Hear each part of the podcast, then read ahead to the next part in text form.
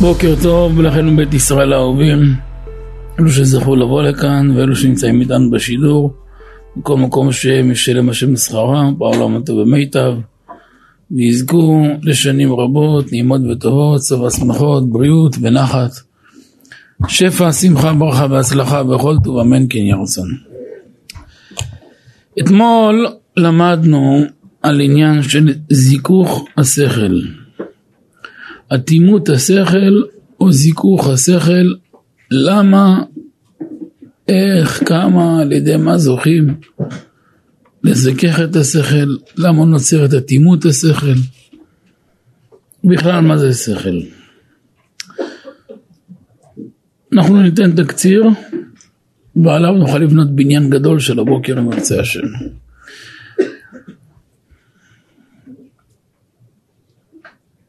למעשה המוח הוא כלי גשמי. השכל הוא אור אלוקי. המוח הוא כלי גשמי להכיל את האור האלוקי שנקרא שכל. כשהנתיבים פתוחים, אתה מבין שהמערכת תזרום טוב, והכל יעמוד בזמן ויתקתק. כל השפע שצריך לזרום, הכל יזרום, יזרום נכון. הבעיה מתחילה כאשר חלילה הנתיבים סתומים. הבאנו אתמול בערב כמה סוגים. יש מי שטבע בריאתו שנולד אטום וסתום. רבי לוי יצחק מרדישוב קרא לזה אטום השכל. ויש מי שטבע בריאתו שהוא פתוח. אלא שעבר חוויות שגרמו לקיבוץ של הכלים. וזה הסברנו אתמול בערב, שהסברנו שיש ארבע מראות באדם, מראה אדומה, מראה ירוקה, מראה שחורה, מראה לבנה. מראה אדומה שורש החום, מראה ירוקה שורש הקור, מראה שחורה שורש היובש, ומראה לבנה שורש הלך. כאשר אדם זוכה ויודע להתנהל נכון ובאופן מתוקן עם כל אחד מהמראות, גם ההתנהלות שלו תהיה בריאה ושמחה. כאשר אדם חווה חוויות טראומטיות שלא מצפה להם, הקשה ביותר שאדם מתעלם או דוחק. תזכרו שאין דבר שאין לו חשבון, ואין דבר שלא יבוא היום שלו. אם היו רגילים ללמוד תורה ולהפנים דברי תורה, היו חוסכים מאות אלפי צרות. תנא באבות. אין לך דבר שאין לו שעה ואין לו מקום. ואין דבר שבסוף לא עתיד להתגלות. ואם עתיד להתגלות, אז למה לפתוח חזית למקום לא צפוי? אני זוכר שפנו לאבא, אבא יותר דורשנו הרב, רבי יורם מיכאל זכותו יגן עלינו, בהמון סיטואציות. אמרו לרב, יש לך מוסדות, ויש לך ככה וככה וככה. נכון, יש לך ככה, ואיך ככה. הרי בינינו, אנחנו יודעים שזה אמת. מה בכך אם 2-3 אחוז לא מדויק? 95 ו-7 אחוז מדויק? אבל זה יביא לך עוד מיליון שקל. יביא לך יישוב הדעת. לאדם מהשורה מיליון שקל זה הרבה. אבל מי שמחזיק מוסדות, גלגל של הון עתק, של משכורות וספקים, נבלע. אבל זה נחוץ, יש בזה תועלת. הוא אמר לו, אחד הפעמים אמרתי, אבא למה? אם תעשה השוואה עם העולם, כולם אין להם כלום ומדברים, אתה יש לך הכל. אמר לי, אחוז אחד זה אמת, אבל לא מספיק מדויק, לא שווה. תזכור, הכל עתיד להתגלות. הוא הלך עם זה כל החיים. הישרות הפנימית היא מתנה מאוד גדולה. הרבה אנשים חוו חוויה לא, לא נעימה. יכול להיות. לפעמים חוויות לא נעימות שאנחנו חווים, כמו רדיפות ומצבים שאדם חווה, לפעמים זה חלק מהסולם שלו. לפעמים זה חלק מהסולם. הוא צריך לדעת איך לעכל אותם ולקבל אותם. אבל כשדוחקים אותם, אדם עושה לעצמו נזק בלתי יתואר. כי זה קוץ שישתרש וישתרש וישתרש, במקום שיצא קוץ, יצא פרדס של קוצים.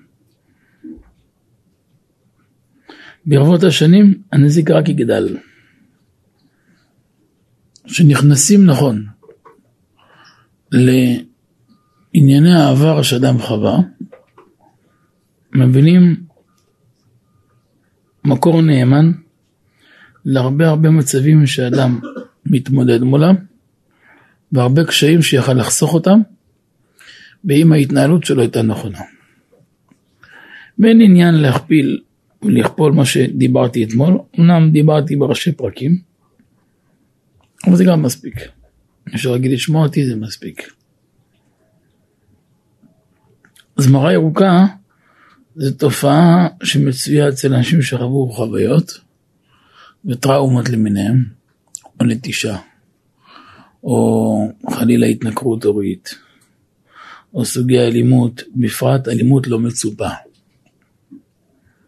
שהיא יותר קשה משאר סוגי האלימויות. גם יותר מאלימות פיזית, גם יותר מאלימות מילולית. או כל מיני מצבים קיצוניים, המצב יוצר שוק. השוק יוצר הלם, יוצר קיבוץ. הרבה זוגות צעירים לא מצליחים בעניינים מסוימים. לכאורה מה הבעיה ונכנסים לפאניקה. היא עברה איזושהי חוויה במישרון בעקיפין קשור לאותו עניין, מאוד לגיטימי, שנוצר קיבוץ. והקיבוץ הזה כמו שריר מכווץ, גם קונגו יפתח אותו. לשריר יש מעלה שהוא משוחרר, יכול להתרחב בצורה אדירה ביותר. אבל שהוא מכווץ, נהיה כמו בטון. או למשל לפעמים מסתלקת דרך נשים בלא עת. כבר מרן כתב, כבר בטון פוסקים, חרדה מסלקת הדמים. לכן צריך לגשת לכלים נכונים, לאנשים שנתן להם השם את הכלים הנכונים, וכמובן בעצה של חכם, גם כדי לנתב נכון וגם שיהיה ברכה במהלך, וחייב לזה ולזה, כי אחד בלא השני לא ילך. ובסייעתא דשמיא אפשר להגיע לכל הפינות. המציאות מוכיחה שעושים מהלך נכון, זה סוג של לידה מחדש. התחדשות מאוד מאוד גדולה. וזה אחד מהדברים שהבאנו שגורמים לאטימות השכל. או שאדם חטא בחטאים קשים. גם זה הבאנו את הרבי לחון וסרמן בקובץ שיעורים. גם מהלך שלהם, זה אתמול בבוקר היה. חלק ראשון של השיעור הזה, שלפעמים על חטאים או רדיפה אחרי חטאים, או גם אותו דבר, רדיפה אחרי תאוות, ומילוי תאוותו, אבל בצורה משוגעת. זה גם בהחלט יכול ליצור אטימות השכל. זה מאוד ניכר, אתה רואה אצל צעירים שהם ממש בעלייה אדירה, ופתאום אתה רואה משהו קיצוני. זה יובש רוחני מוחלט. הוא לומד המון שעות, אבל חסר לו חיות אלוקית. לפני כן היה חיות אלוקית, ועכשיו כאילו נעקרה ממנו חיות אלוקית. ואתה שואל על מה ולמה. כמו מת מלך, כי הוא חי, אי אפשר להגיד שהוא לא חי. מחילה, מחילה, מחילה אלף אלפי פעמים. גם אותו זנב של לטאה, אחרי שחותכים אותו, עדיין ממשיך לחיות וללכת. אבל אי אפשר לקרוא לו חי, כי אתה מבין שתכף יקל משהו. יש מצב שגוף חי, אבל משהו ישן כאן. ישן זה מילה יותר עדינה ממת. לא סתם אמרו בש"ס רשעים בחיים קוראים מתים, יש לנו מהלך בחלב הארץ נפלא בזה. הביא גם הגאון, גם בזה ראיתי לידידי הגאון רבי יעקב עדס. דברי יעקב גם הביא כאן דברים נפלאים מאוד, במקום אחר כתבנו בו באריכות. זה כן השם שיצא בזמן טוב, בשמחה, יצא כל ויותר מזה, אמן. נזכה בחיינו להוציא הכל שולחן ערוך, תוך שמחה ובריאות. אז שם גם מביא בנקודה הזאת באריכות, אה, למה רשע בחיים קרויים מתים? יש שינה ויש מיטה. שינה היא אחד משישים במיטה. מיטה זה הרבה יותר עמוק. אבא הרב עליו השלום, רבי יורם מיכאל, זכותי הגן עלינו, היה רגיל לומר, איכא דנאין שבעין שנין, הוא בגמרא בתמיהומי, איכא דנאין שבעין שנין, אצל נכוני המעגל, מה, יש אדם שישן שבעים שנה? אבא אמר, איכא דנאין שבעין שנין, סימן קריאה. הוא הולך וישן, הוא אוכל וישן, הוא לומד תורה וישן. מה חסר לו כאן? מה חסר לו חברים? חסר לו השראת שכינה. ולמה השכינה לא שורה? כי צריך לאפשר כלים מתאימים להשראת שכינה. אחד מהדברים הקשים ביותר, שאור וחושך משמשים בערבוביה. כדאי לכם להקשיב טוב טוב היום, ייתן לכם כלים מאוד ברורים ותשובה להרבה הרבה מהלכים שעברתם ועובר עליכם. אל תפסידו אפילו עוד אחת. אז קורא ואדם חווה חוויות, לא צריך להיבהל. אני בתפיסה שלי לא נבהל משום דבר. גם אני אראה לא יודע מה, ואומרים הרבה דברים ב- ביום. לפחות ב... בשביל שלי עובר הרבה הרבה דברים, מהארץ, מהעולם, לא נבהל מכלום. למה לא נבהל? כי אני יודע שלכל דבר יש תקנה, ואפשר להתנהל מול כל דבר, רק צריך לדעת נקודה אחת, והיא היותר חשובה, תתרכזו בבקשה רק איתי ולא מסביב בכלום. שאם אדם נכנס לעבודה, במידה מסוימת צריך לנטוש את כל העולם ולהיות כולו בתוך העבודה. ואם כן אפשר לעשות עם האדם את כל הצעדים. ומי שהולך במקום הזה, אפשר תוך שנים אחדות גם, גם בר נידה, שבמקום הכי מסואב, להפוך אותו לבעל ראייה. הכל יכול להיות. ואני אאמין להכל, אם אני אראה דרך נכונה, ובזה תזכרו, אין ניסים ואין נפלאות, אין אותות ואין מופתים. תשכחו מהמושג גילוי אליהו ובא בלילה והחלומות שברוקאים וכל מיני דמיונות. זה לא הולך ככה. תורה לא הולכת בחלומות ולא בדמיונות, אין אדם זוכה לקטע התורה, עד שיקיא חלב שינק משדי אמו עליה. צריך להקיא את כל מה שהוא בא למותרות מהיסוד שלו. ואם כן, אחלה סבבה. אני אאמין בהכל. עכשיו הואיל ובנתיב שלי אני רואה הרבה דברים, אז אני מאמין, מאמין בכל, בכל אדם שהוא בר עבודה. לא אכפת לי איך הוא נראה ומאיפה הוא בא, וגם אני רואה אותו עם 19 רגילים באוזן, אם אני יודע שיש לו עתיד והוא ידע להתמקד ולהקשיב להוראות ולציית ולמלא אותם, אני יכול לשים עליו 200 טון, לחץ ולנתב אותו נכון, השתבח שמימים יגידו. בזה עבודת נפש תעשה הכל. רק צריך לדעת להיות חזק עם עמוד ברזל ולא להישבר מכלום.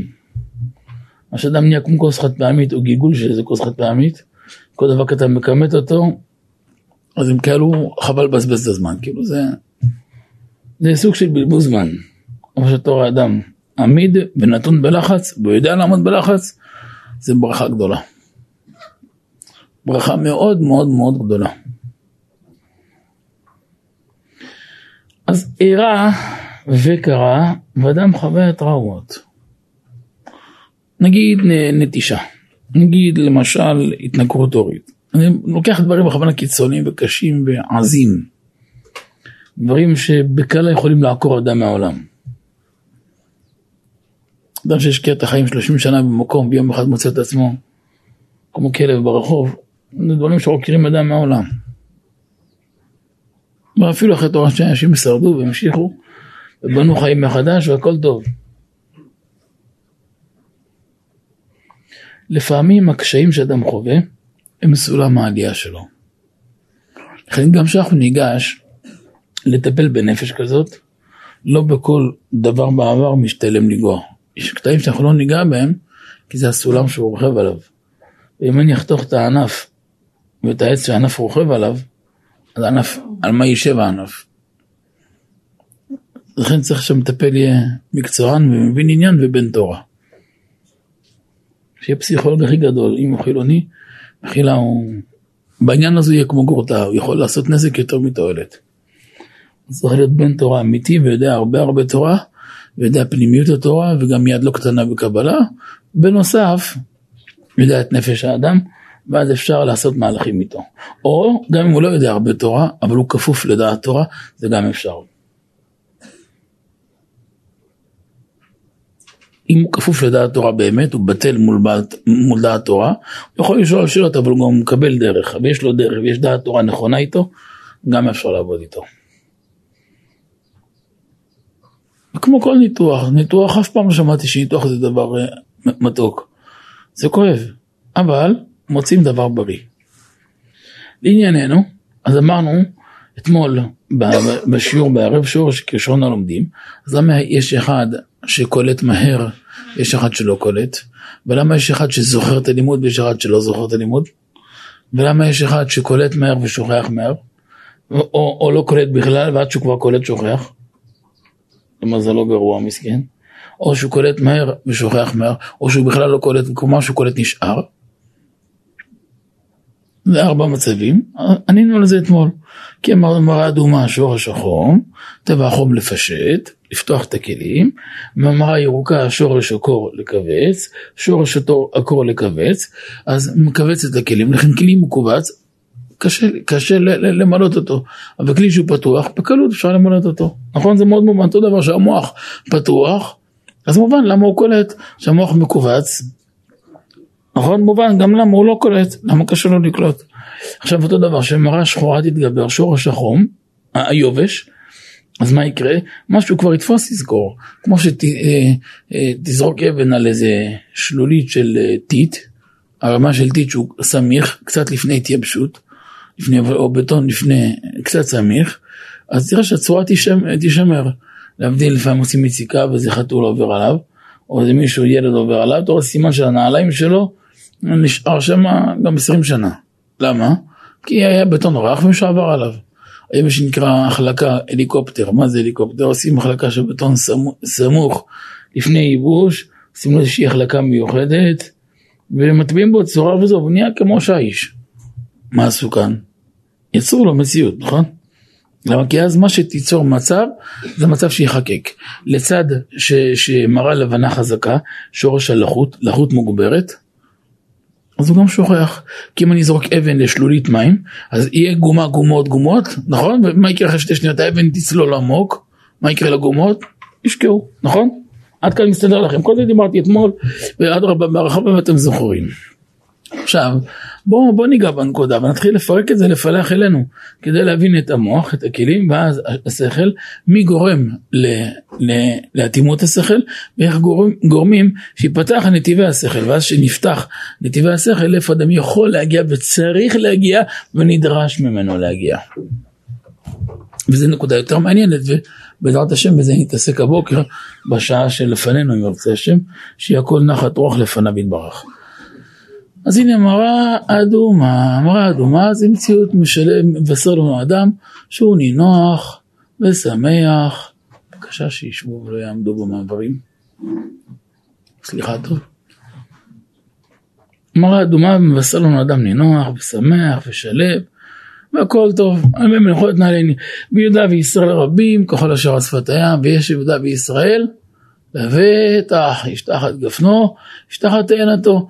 למה זה מבשרים קצת שאדם שלב ונינוח. אגב, זה רואים גם בעילה של האדם. טוב, זה כבר מדרגות, אנחנו לא מבינים בזה, אבל מי שיודע מבין בזה.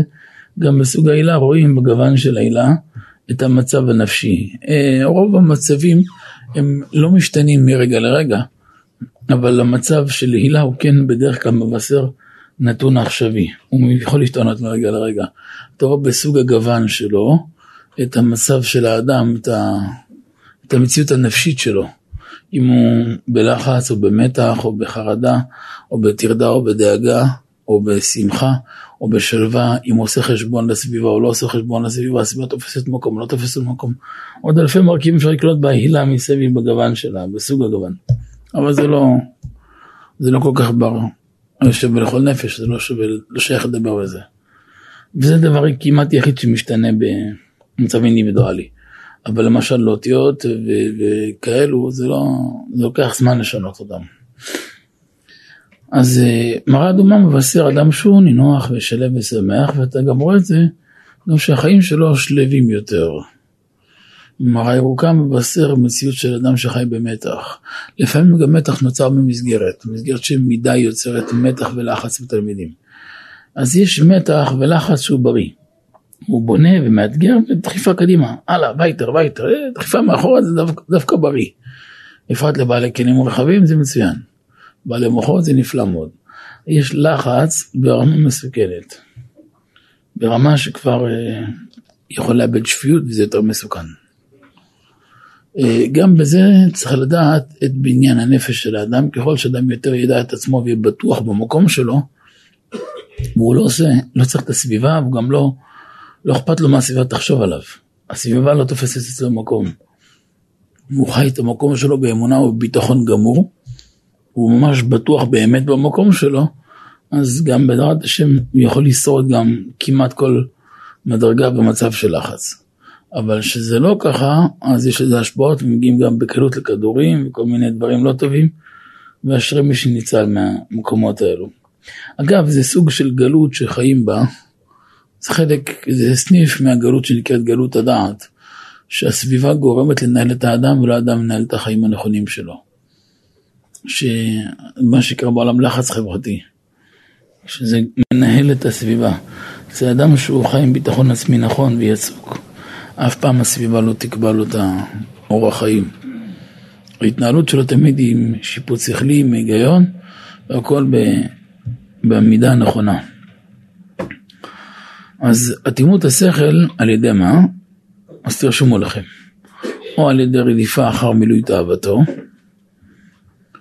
אה, שאמרו בש"ס מאכילין אותו חס ושלום מבשרו, נכון? מישהו קצת יודע ש"ס יכול מיד לראות מה אמרתי עכשיו, חלילה או רדיפה אחר חטאים, עוונות, אז הבאנו אתמול מרבי סוחר, גם מאבא, אבא רבי יורם אלו בשלום ורבי יששכר מאיר, זכות דרגן עלינו, משם אני חושב קובץ שיעורים, כיוון שעבר אדם עבירה בשנה, בו הותרה לו, שם בקידושין כ', הותרה לו סגדתך, לאמא נעשית לו כהיתר.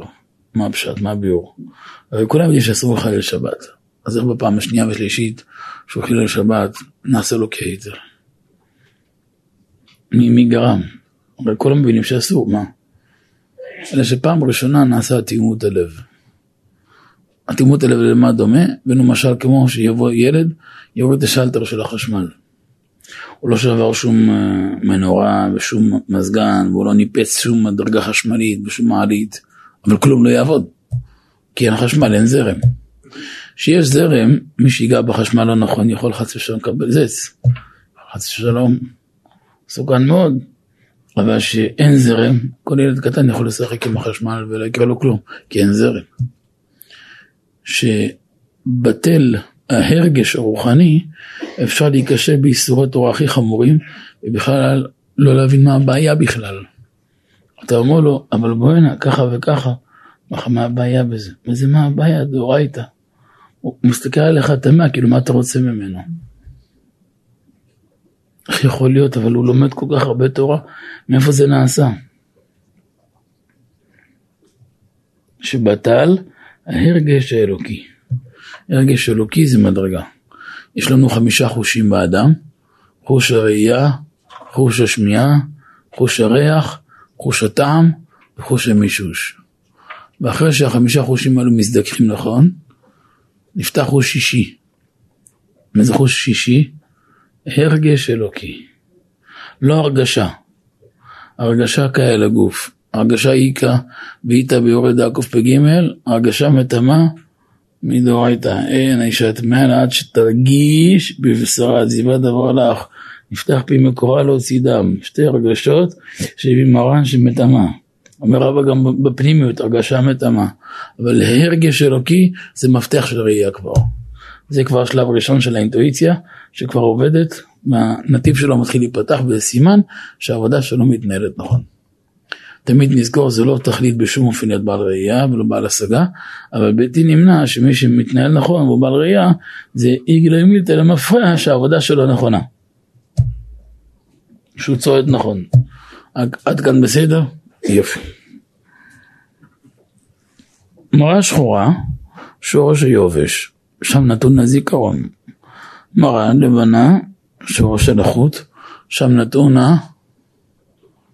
השכיחה.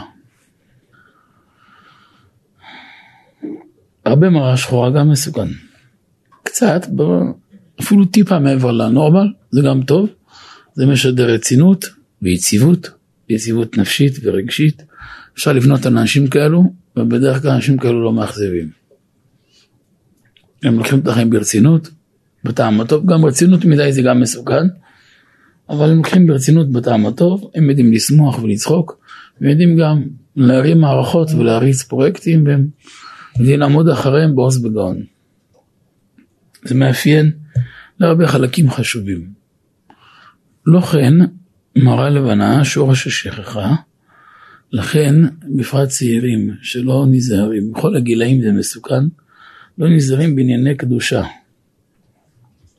הם אה, מגבירים בקרבם את המים הזדונים.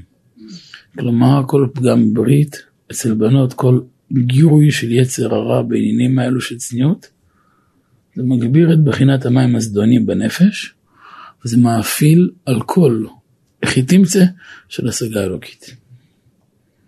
גם מחר הם יצטטו איזה ספר, אבל זה טעם אחר לגמרי, כמו שתעביר מים מינרליים בביוב. אז אי אפשר לקרוא להם כבר מים מינרליים, כמו שגם בביוב יש הרבה מינרלים. אם, אם תשקיע את זה בצמחייה זה יכול להיות אה, נפלא מאוד, אבל עדיין אף אדם נורמלי לא ישתה מים מהביוב. אפילו שאני יודע שאם אני אשקיע בזה את השדה, יצא ירקות מאוד גדולים ויפים, אבל אדם נורמלי ושפוי, אני לא מאמין ויעלה על הדעת שהוא ישתה מים כאלו. גם תמורת כל צימון שבעולם. למה? כי יש כאן אה, דבר מסוכן. אז ככה גם מהנקודה הנפלאה הזאת. אה, זה מראה לבנה שורש של לחות. אדם שלחות שלו מאוזנת, בדרך כלל גם מה שראיתי, לא ראיתי את זה בספרים, רק הניסיון, קרה לי את זה לפני 20 שנה קצת חקרתי את הדינים האלו, יותר לעומק, ומה שהגעתי למסקנה עם ניסיונות שעשיתי, שהלחות מאוזנת גם זה מועיל לריכוז מאוד, אדם מרוכז. שהלחות לא מאוזנת, ריבוי הלחות או חסר לחות, זה גם מאבד ריכוז. כל דבר בטעם הטוב הוא נכון וטוב. לכן אחת מהעבודות שכדאי לאדם בפרק מסוים בחיים להיכנס אליהם, לעקור את הפזיזות מהמהות. כמעט כל אדם יש לו סוג של פזיזות וצריך לדעת לעקור אותה. יש אדם שהפזיזות היא תבוא לידי ביטוי אצלו למשל, אה, אתן דוגמאות שהבינו אותי. קח דוגמה, עכשיו לומדים מהלך, יש אדם שסוג הפזיזות, כן כן אני מכיר את המהלך, לא נורא, אני ממשיך הלאה. יכול להיות שהוא מכיר את המהלך וממשיך הלאה. זה לא מה שאתה מחפש עכשיו, אז הנה חינם, אין עניין להעריך בו, כי אתה צריך משהו אחר. אבל אם זה הנושא, ורק בגלל שאתה חושב שאתה מכיר, אתה ממשיך הלאה, אתה מפסיד יותר ממרוויח. מה אתה מפסיד? קיצור עכשיו תעצור את החיים חצי שעה ותשקע במהלך ותלמד אותו ותתבונן בו, אתה ודאי, שתשיג בו כמה מתנות וכמה מגדנות שלא ידעת לפני, או שידעת היו מספיק מחוברים ומחודדים ועכשיו מיוחדים לך מול העיניים, אבל מלבד זה גם תרוויח רווח עצום שעקרת במידה מסוימת נדבך נוסף של פזיזות מהנפש ויצרת קניין לשליטה במידה מסוימת של נפש האלוקית על הבהמית בפרט הזה. פשטייסט? הבנתם? הרווחתם. אם הבנתם, הרווחתם. להמשיך הלאה קדימה, זה סוג של בריחה מהמציאות. תזכרו שיש לזה מחיר, לכל סיפור יש קופה, יש מחיר, גם לזה יש מחיר. יום אחד יבוא במידה מסוימת לשוקת שבורה. יבוא לך סהרונים, זה הגורם? לא, זה לא הגורם, אבל זה אחד הגורמים בהחלט כן. אה, לפעמים קרה שאדם עבר עבירת תנועה ויכול להיות שזה מצלמה צילמה אותו וקיבל דוח של 180 שקל או 260 או כל נותן לזה גמטריה. ועבר כמה ימים והוא לא שילם את זה, פתאום תופח ותופח, פתאום מקבל 4,500 שקל. איך הגיע ל 6,000 שקל, ואיך הגיע כל מיני מספרים, לו ריבית ועוד ריבית ועוד ריבית. אז ככה זה, אותו דבר. ואתה מנסה לדבר ואין עם מי לדבר, כאילו, דבר עם כבוד קדושת מעלת המחשב זה ז"ל. אין עם מי לדבר, אתה מדבר עם פלסטיק היום, היום הדור הזה מדבר רק עם, אפילו לקרוא אתה עושה רופא, אתה קובע אצל הפלסטיק. אז תיקחו את הנקודה הזאת כנקודה לחיים, אותו דבר, יש דברים ששווה לקחת אותם בכובד ראש ובמידה הנכונה. אז יש אטימות השכל שתבוא על ידי, בהגדרות שהגדרנו אתמול והיום, אה, שוק, טראומה, ואז נפקא מינה שגם דרך הטיפול תהיה לנו יחסית הכי קלה. למה? כי ברגע שאנחנו ניגש נכון למוח ולתת מודע ואנחנו נדע לדבר נכון לכלים הנכונים, אם באופן הנכון לעשות כמה תרגולים, כמה עבודות, שלושה ארבעה חודשים אפשר לראות תמונה חדשה לגמרי. וזה ממש מתנה יפה. זה באמת מתנה מאוד יפה. אמ, ויש אטימות שתבוא, מה שקורה לרוב העולם, אה, על ידי העוונות, או עדיפה אחר מותרות, או אחרי אה, תאוות רעות. עכשיו נסתמים הכלים, כלומר מתמלאים זפת.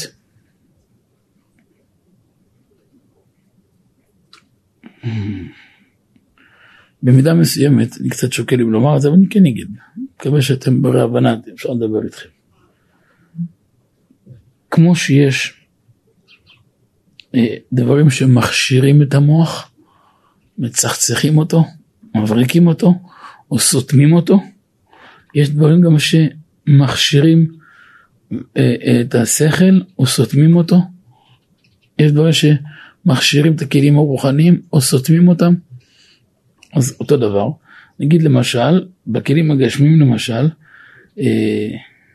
רדיפה אחרי תאוות של נשים וענייני צניעות, רדיפה אחרי אלכוהול, סמים, אלו למשל שלושת הדברים האלו, לפחות, יש עוד כמה, אבל אלה שלוש מרכזיים, שהבעיה בהם המרכזית שהם מזפתים את המוח. אתם יודעים מה זה זפת? איתום גגות, מכירים? ראיתם פעם? עושה משהו כזה קצת יותר קשה במוח. אותו דבר, רדיפה אחרי תאוות, מזפת את השכל. מהו שכל? אז כבר אמרנו אתמול, השכל הוא אור אלוקי ששורה במוח שהוא כלי גשמי. תכף נדבר גם בפן הזה, יש כמה מהלכים עמוקים מאוד בחסידות, בפרט של רבנו לוי יצחק מברדיצ'וב, סנגורן של ישראל, ומה שתכננתי לגמור את זה היום, אבל מה שנספיק נעשה, בדעת השם. אז מה העבודה שלנו? העבודה שלנו זה לצחצח את הכלים. אז לפני שנתעסק עם תיקון של הערר וכל מיני תיקוני עוונות ועניינים כאלה שוודאי תמיד תשובת הועיל, אנחנו נתעסק קודם כל במכאן ולהבא. אז בואו נחלק את העבודה לשתי חלקים. א', מכאן ולהבא, ב', תיקון העבר. תיקון העבר היא סוגיה בפני עצמה, ונניח אותה לזכור שצריך לשבת עליה, אבל נניח אותה לזמן אחר, כי שם צריך לפרק הרבה הרבה נתיבים, וזה ממש נושא בפני עצמו, כבד לכשלעצמו. אבל צריך לזכור אותו, שמה שלא יהיה צריך לשבת עליו יום אחד בלי נדר, יעזרנו השם, לעשות אותו נכון, להיכנס למהלך וגם לצאת מצד שני בצורה נכונה. להיות למעל ולמי פקה בתרי, לדעת להיכנס, לדעת לצאת, וזה חשוב לעבור את זה. אבל מכאן ולהבא לפחות, השליטה בממשלה מוחלטת על המערכות. יש מצב נוסף שיגרום לאטימות השכל, שזה טבע בריאתו. גם בזה בעדינות דיברתי על זה אתמול, אה, אה, כגון ש... שלמשל אה, הנהגת ההורים לא מספיק הייתה בקדושה ולא מספיק בזמן הנכון. זה שורש החילוק המהותי בין לפני חצות לאחרי חצות, לשבת או חול. וזה נושא בפני עצמו וזה נושא לזמן אחר וגם כל היגיון ברב מבין את זה, למה זה נושא של זמן אחר. אבל ההבדל הוא קיצוני ביותר ועם המציאות אי אפשר להתווכח. גם שם הנקודה של הטהרה, טהרת הלב של שתי ההורים, תהיה נחוצה ביותר, כי המשמעות קובעת צורה לדורות ולדורי דורות, ושזוכים לנהוג נכון, זו מתנה שאין מחיר אליה. אז הנה הצגנו חמש דברים שיכולים לגרום לאטימות השכל. אפשר שיש עוד, אבל זה מה שכרגע צף לי. אז אה, גם הזכרנו את כל ופירקנו אותם. אטימות השכל בה אמרנו רדיפה אחרי מילוי תאוותו, או רדיפה אחרי חטאים, או עוונות קשים שאדם נכשל בהם. זה גם הבעיה של מי שלא שומר את העיניים, או מי שמתוודע לאינטרנט, או לסרטים, או לתמונות לא צנועות, או לכל מיני רדיפות כאלו, תגיד לכאורה מה הוא עשה. אז מלבד לשון הרמב"ם, שהרמב"ם כתב שם חריפה מאוד בזה, כמו שמן הסתם כל תלמיד חכם יודע, כל יהודי יודע, שאדם לא יאמר מה זה וכולי, וכי מה הוא עושה, וכי קרבתי אצלה, וכי וכי וכי. אז גם הבעיה שמה שהוא סותם את הכלים מאוד מאוד. סיפרתי לכם כבר לפני שלוש שנים, סיפר לי פעם, הייתי בשליחות של אבא, וסיימתי איזשהו שיעור גדול שלו בצפון הרחוק רחוק. אז כבר הגעתי שם באזור, תהיה כבר אחד בלילה. אמרתי לפני שאני אצא דרומה, אני אכנס אצל רבי עקיבא. היה כמה קילומטרים מרבי עקיבא, באזור של טבריה שם. אז נכנסתי אצל רבי עקיבא, אמרתי נבקש רחמים. לפני הרבה שנים. אני זוכר שהיה אחד או שתיים, אולי אפילו שלוש בלילה כבר היה. אמרתי, צריך להגיע נס, לפני שאני אגיע נס לנתיבות, אני אכנס כמה דקות להשתטח אצל רבי עקיבא. אז השתתחתי ועוד לא שיפצו את המקום כמו היום, עשו יפה, מפואר. ישן, כמו אתם זוכרים, לפני 15-20 שנה. אז uh, אני עולה משם, מ- מלמטה, מהרמח"ל, יש עלייה כזאת. לחניה למעלה לאוטו, ואיזה ראש ישיבה חשוב בירושלים, פגש אותי. הוא זיהה אותי, אני עוד לא זיהיתי אותו. בשם הכרתי אותו, אבל מאוד ישר הוא התחבק איתי, שיתפתי פעולה. הוא הזכיר לי את השם שלו, אז מיד זכרתי מי הוא. ובאמת כמה שבועות לפני, שלחתי לתלמיד אחד לישיבה, הוא ביקש ממני רשות לא לקבל אותו. אבל אם הרב יעמוד על זה, אני בשום אופן לא עומד ממול, תראו איזה יראת שמיים יש לו.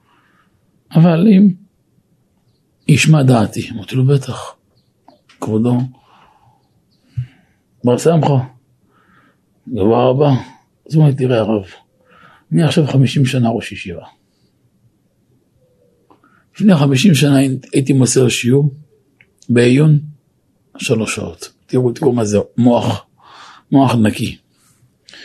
אחרי שעתיים, עכשיו בשלושת רבעי, לפעמים שעתיים ורבע, הייתי רואה צניחה קצת במוחות.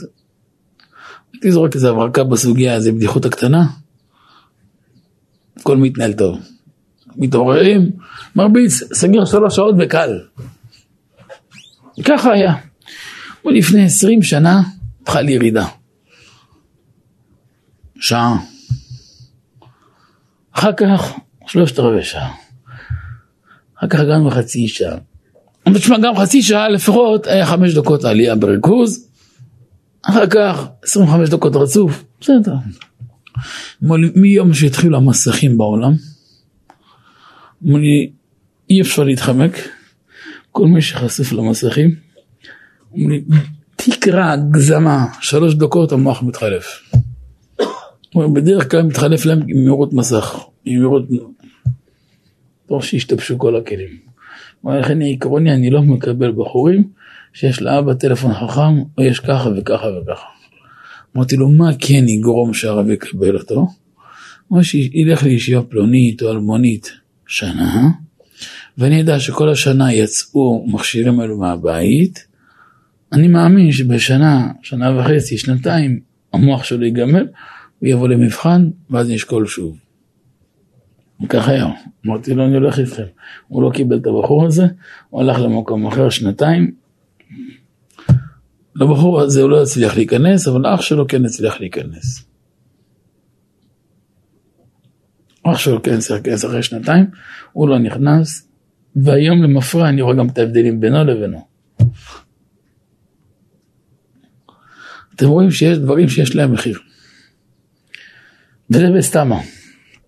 קל וחומר שמתוודים לדברים שנפשו של אדם בחמדתן, כמו שאמרו גזל ואריות, נפשו של אדם בחמדתן, והם מפנטים את המוח למקום לא טוב ומזפתים אותו.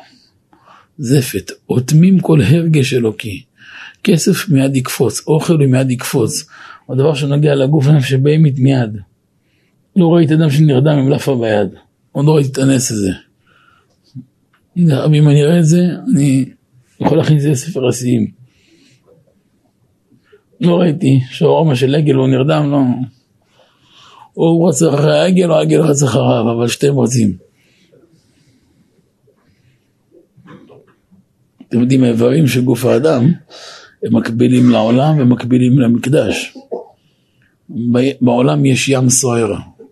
הקבלה שלו בגוף האדם, אם נקרא ים סוער בגוף האדם, הקיבה. הקיבה זה ים סוער, סוער מאוד, זה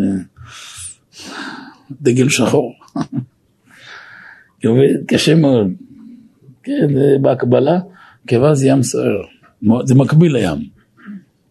יש הרים, יש כתפיים, יש אה, סלעים, יש שיניים.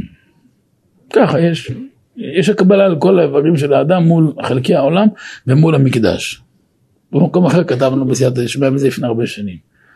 זה שייך לפרשת תרומה, כלי המקדש, משכן.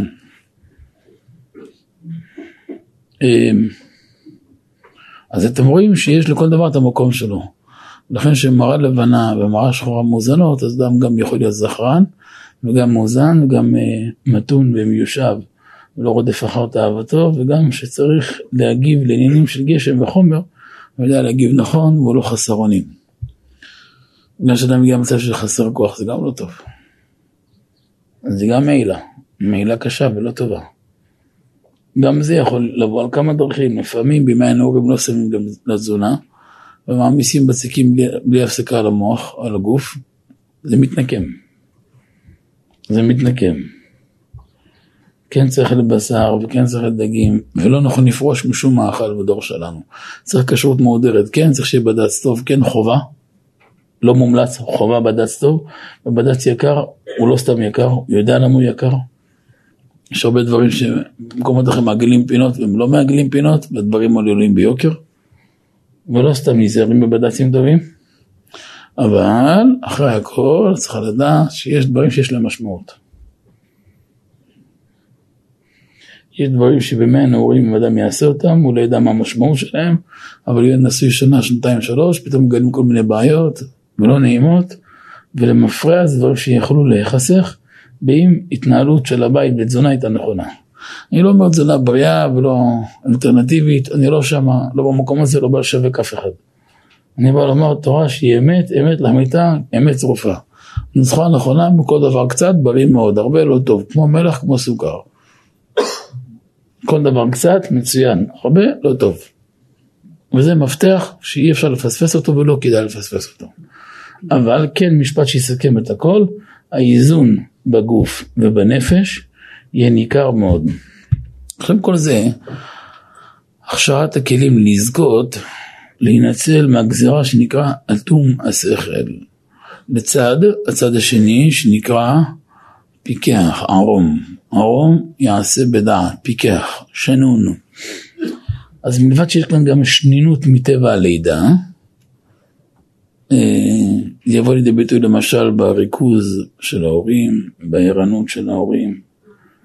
לכן אסור לגשת לעניינים מסוימים מעייפות, לא ניגשים אחרי יום עבודה.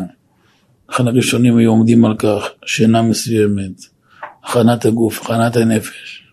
זה מלאכה. היא מלאכה קדושה, זה נקרא בניין העולם. וזה ניכר, זה ניכר. בפרט אם אדם במקומות מסוימים, צריך לדעת להיטהר ולהתקדש, לנקות כל מיני עניינים מהמוח שלו. רבנו הרי ניגש מתוך לימוד תורה, מתוך סוגיה, מתוך עניין.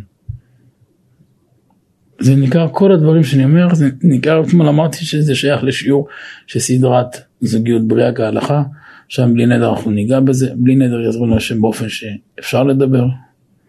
גם יכול להיות שבסדרה הזאת חלק יהיה בשידור, חלק אני אבקש הרשמה מראש וזה יהיה כאן. רישום, רישום סגור, זה אני אוכל לדבר בצורה ברורה יותר. כי זה צורך לעולם, אבל גם צורך לדעת איך הוא יתנהל. אז כנגד יש לנו את שלב של התיקון.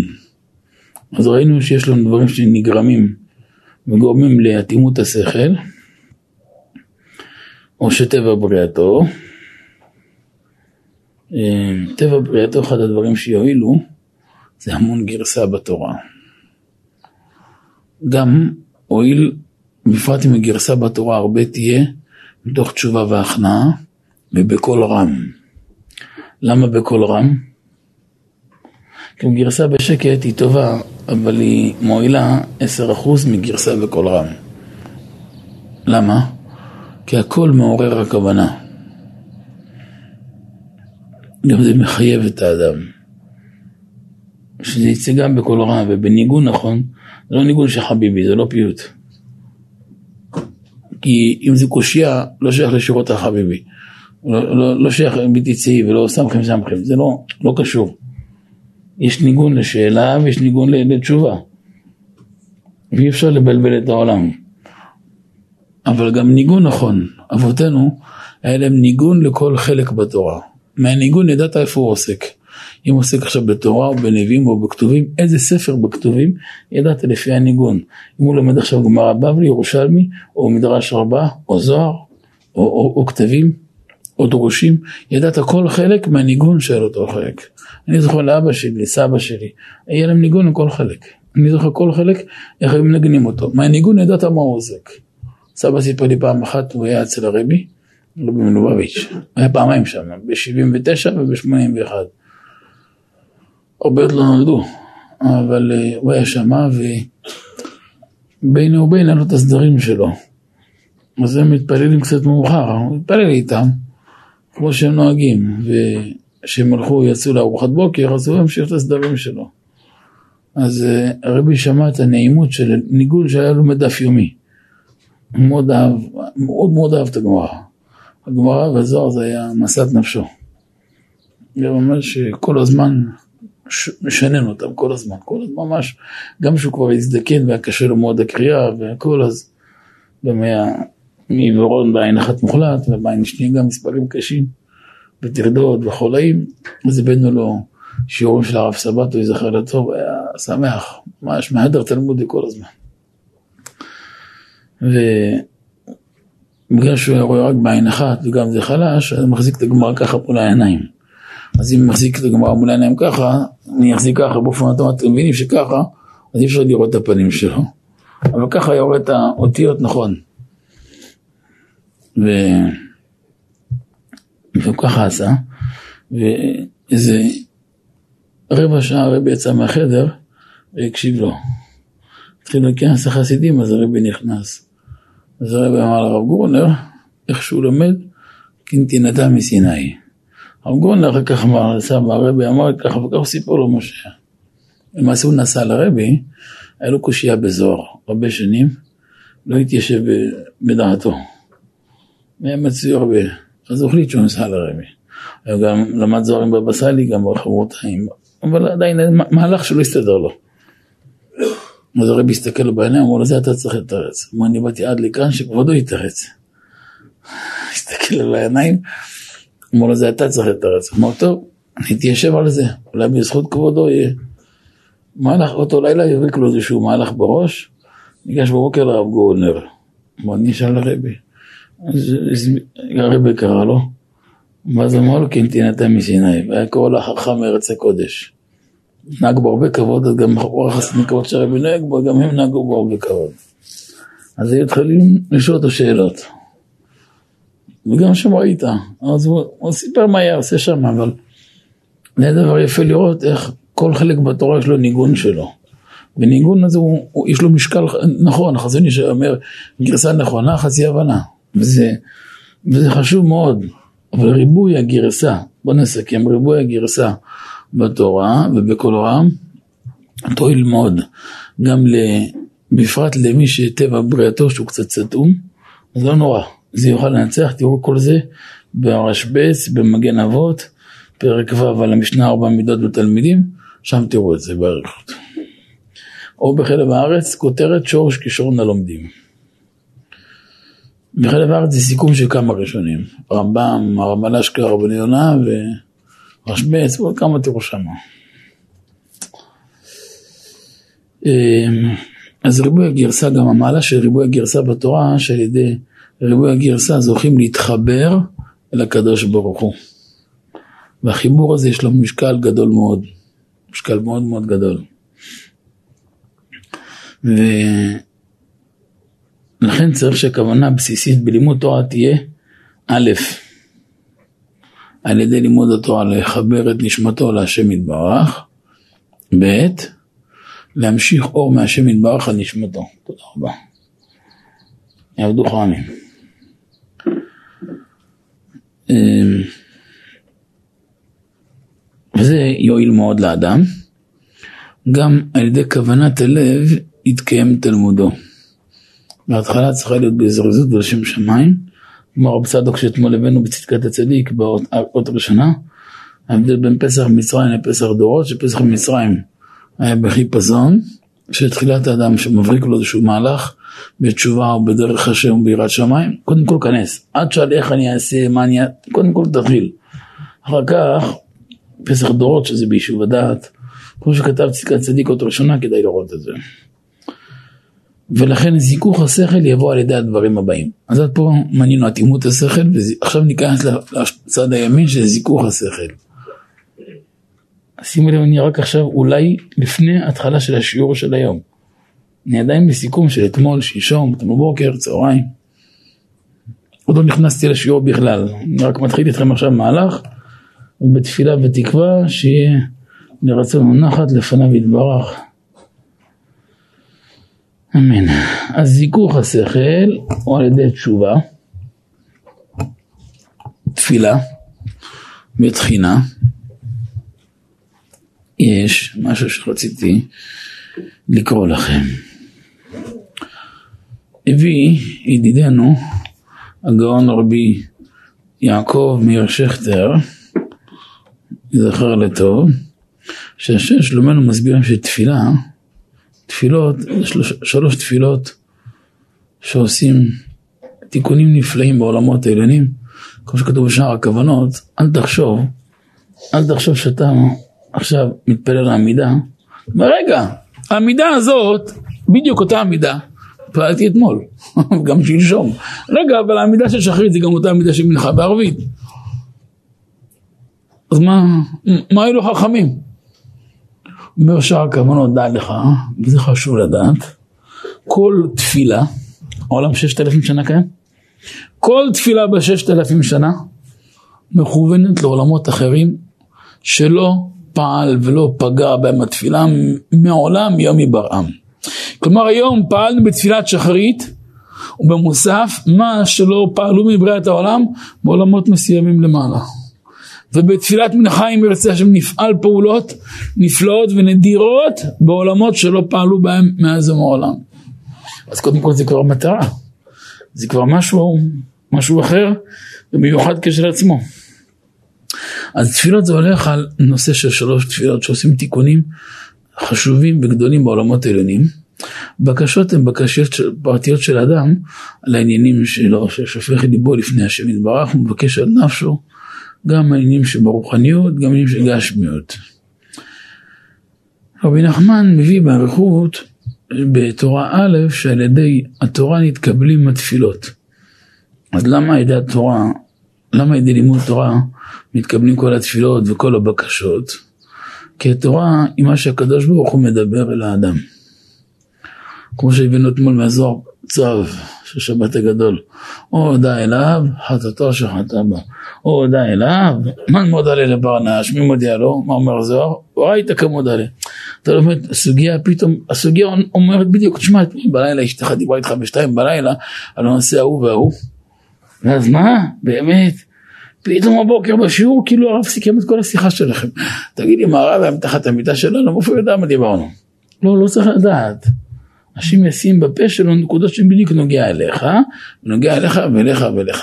הפלא היפה, הנקודה היותר מעניינת, שתראה, שישמעו את השיעור הזה 200, 300, 500, 700 איש, וכולם ישמעו את זה, וכל אחד הבין את זה, כל אחד הבין בשפה שלו. וכל אחד תרגם את זה ביחס לעולם הפרטי שלו, וזה שונה לגמרי. אבל זה כוח של תורה שבאה ממטיבתא דרכיה. תורה שאין לה אחיזה בגשמיות, יכולה להתכוונן בהתאם לכל אחד. כפי שורשי נשמות ישראל. תורה של ספרים, שכתובה בספרים, של שכל של קושייה ותירוץ וחילוק, היא חשובה, היא מחדדת, היא מוסיפה ידע, היא אה, מוסיפה נופך, אור, אבל היא לא יכולה להתכוונן ביחס לשומעים. תורה שמתכווננת ביחס לשומעים זה רק תורה שתבוא מטיבתא דרכיה, שהיא תבוא מותאמת כמו חליפה תפורה לחתן, אבל בפה שיש חתן כל אחד, מי שאחד מידה 38, יש אחד 68, ביניהם 40 מידות, אבל כל אחד יתכוונן אליו, וכל אחד יישב עליו טוב. וזה ככה בדיוק. ואז אז, אז למה ידע התורה מתקבלים התפילות והבקשות? כי התורה היא מה שהקדוש ברוך הוא מדבר על האדם. תפילה זה מה שאנחנו מדברים לקדוש ברוך הוא. גם הזכרנו בשיעור בשבת לפני שלוש שבועות, מי שזוכר, אה, שיש שתי מיני עבודות, יש עבודה מלמעלה למטה, אתם זוכרים, ויש עבודה מלמטה למעלה. למעלה למטה זה תורה, המשכת אור. מלמטה למעלה זה, זה תפילה. ומי יותר חזק, אז אמרנו, אם תשים עכשיו חבל עם שתי קצוות, אחת בראש ההר ואחת בתחתית ההר, אז אה, זה שבראש ההר, הרבה יותר קשה לו להרים את התחתית אליו. אם אדם למטה קשור בחבל איתו, להרים אותו הרבה יותר קשה. זה שלמטה יעשה אחד, שתיים, יגלגל אותו למטה, מלמעלה. הרבה יותר קל למשוך מלמטה את העליון לתחתון, אבל להרים את התחתון לעליון הרבה יותר קשה. אז ככה, עבודה של תורה זה המשכה מלמעלה למטה, ועבודה של תפילה היא, היא, היא, היא, תהיה מלמטה למעלה. לכן, אה, לכן בעל תפילה הוא יותר גדול מבעל תורה. שתיהם חייבים לדעת הרבה תורה. בשתיהם הצינור זה יהיה תורה, גם בעל תפילה הוא יודע הרבה תורה. אבל הציון שלו זה בעל תפילה. קחו רבי חניה מנדוסה, בעל תפילה. ובכן זה הדרך, כל מיני חכמים וקדושים שיהיו בעלי תפילה. הכוח של בעל תפילה הוא גדול מאוד. אמ, ואם כן הדברים פשוטים מאוד, אם תשמע מה שהקדוש ברוך הוא מדבר אליך, אז גם הקדוש ברוך הוא ישמע מה שאדם מדבר אליו. ו... ויש כאן עוד הרבה עניינים, אבל אני מעדיף לא לחרוג מהנושא שלי כדי שתצאו עם משהו אחד ממוקד ביד. אז תשובה, תפילה ותחינה ובקשה לפני המקום ברוך הוא, שחייב את זה. גם יש לנו לזכור שיצר הרע הוא מאוד בקיא במלאכ... במלאכה שלו. והוא ערמומי מאוד ובעל מלחמה מנעוריו. ומי שהוא אטום השכל, נקרא לו תם לענייננו, הוא לא יקלוט את הרמזים ואת הקריצות שלו להכיר סוף הדבר. ופשיטה שגם שיש עצלות נלווית לזה, מה שנקרא יסוד עפר על כל מרכיביו, אז הרבה יותר קשה גם התגברות. איך אור קדוש כתב, שהעצלות עשב מפסיד השגתה. אתם זוכרים את הלשון הזאת בטח. אז אה, זה נקודה ראשונה. נקודה נוספת שתפעל את זיכוך השכל, עמל תורה לשמה בהתמדה עקבית, וגם שם בקול רם. ועוד פעם, תחנונים מדבר רעש, ולהיות רגילים, אני יודעתי, גם uh, בתפילות כמו תפילת השב לרבני יונה וכמה תפילות של מסירות נפש, שאדם מוכן בכל יום, בכל שעה, בכל רגע, למסור נפשו ממש למען השכינה הקדושה, בלי התחכמויות. ממש בפשטות גמורה, למסור נפש ממש למען השכינה ממש. ודבר נוסף שהוא לדעתי חזק מן הכל והוא בסיס להכל, טהרת המחשבה. טהרת המחשבה. תעכלו את זה, תפנימו את זה, זה כמו פצצת אטום. טהרת המחשבה. אתם איתי, אה? מה שכתב בן איש חי, מי שהביא את ראשנו, אמ, על ידי קדושת המחשבה יזכה האדם להשראת השכינה במוחו. תזכרו שזה הניסיון של היום, של כל הדור שלנו. זה כל העבודה של המדיה. הסמ"ך מתלבש במדיה בכל הכוח, בשביל לטנף את הנושא הזה. ברגע שהנושא הזה מטונף, הוא, הוא נותן טעם לפגם בהכל. נותן טעם לפגם, כל אחד מבין את המשמעות שלו ויורד דעה. סוגיות הש"ס, עבודה זרה וחולין ועוד מלאים מזה. נטלף, נותן טעם לפגם, יש לו משמעות קשה ונוקבת. ואסור לפספס את זה ולא כדאי לפספס את זה. אז כשאדם זוכה למחשבה טהורה, למוח קדוש, למוח שמח, מוח טהור ונקי, חיברה ככספה, יכול לזכות בנקל יותר להשראת השכינה. אה, גם לזכור, לזכור שבדורות האלו לצד ההתמודדות והקושי שיש, השכר גדול הרבה יותר. בדורות שלנו הרבה יותר קל להגיע על מדרגות של רוח הקודש וכיוצא, בגלל שהקשיים הם גדולים, וגם ההשגה היא בהתאם. מי שכבר יש לו אפילו מעט טוב, שהוא טוב טוב, זה שווה הרבה הרבה כנגד הדורות הראשונים.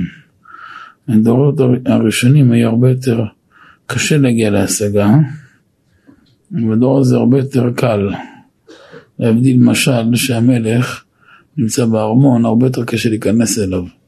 משהו באיזה פונדק דרכים עליהם הדרך, באיזה תחנת דלק, אז uh, הרבה יותר קל לפגוש אותו ולחוץ ליד ולדבר איתו. גם בדרך אגב, הרבה הרבה יותר קל להגיע אליו ולהיות איתו במגע ולהשיג מה שרוצים. אמ, ולכן גם היום הרבה יותר קל בדורות האלו להגיע למדרגות, אבל עיקר העבודה של החסידות זה להפקיר את עצמו למען כבוד שמו יתברך, לעבודת השם יתברך, ולא לחשוב איך אני אעבוד אותו, באיזה מוחין, באיזה מחשבה, אלא פשוט לעבוד אותו יומם ולילה, אין הפוגות. תזכרו, יש חופש במסגרת, אין חופש בעבודת השם. רק במתים חופשי. אדם חי אין בו חופש. תפילה זה שלוש פעמים ביום, ערב בוקר וצהריים מסיחה בשמע קולי, בחול, בשבת, בין הזמנים, זמן בין הזמנים שרי. שלה הקדוש כתב יעקר מן העולם וייתן שלא יהיה בעולם. כלומר בעבודת השם אין חופש ואין הרפאיה. יכול להיות הרפאיה מעבודה פיזית, פחות סדרי לימוד, יותר, פחות זה, יותר זה, אבל בעבודת השם אין הפסקה אף פעם. וכאשר אדם חי בדבקות תמידית, אז בעזרת השם מיד הקדוש ברוך הוא שורים ושוכן אצלו. לכן ראוי שאדם ירחיק את עצמו מכל מיני תאוות ומחשבות זרות, כדי שלא ייפרד ממנו יתברך. לזכור שכל מחשבה זרה זה עוד קיר ומחיצה בין האדם לשכינה. אומר רבי נתן, זה ידבו כל הדבויים, על ימים שעברו בחושך, ואדם מסתכל בתמונות לא צנועות ולא נקיות ולא טהורות, שמהווים לו אה, מסך מבדיל וחציצה בינו לשכינה. אז גם שלפעמים צריך לגרום להשראת שכינה בעולם ולהביא פרנסה לבית וכולי, אבל עדיין, אה, מי אמר שבשביל פרנסה צריך לאבד את שתי העולמות? ובשביל פרנסה להיכנס למקומות פורצים, להיכנס למקומות אה, לא בטוח. לא נראה שזה מה שצריך, מה שנכון לאדם. רק יעשה רצונו כרצונו, ואדרבה, יוציא אותו למקום נקי וטהור, להיות כלי קודש. אמ, אז כשאדם מתרחק עם מחשבות זרות, הוא דואג לו להיפרד ממנו יתברך, יעשה כל מסע בלי שמו יתברך, אז זה גורם להשראת שכינה בנפש האדם.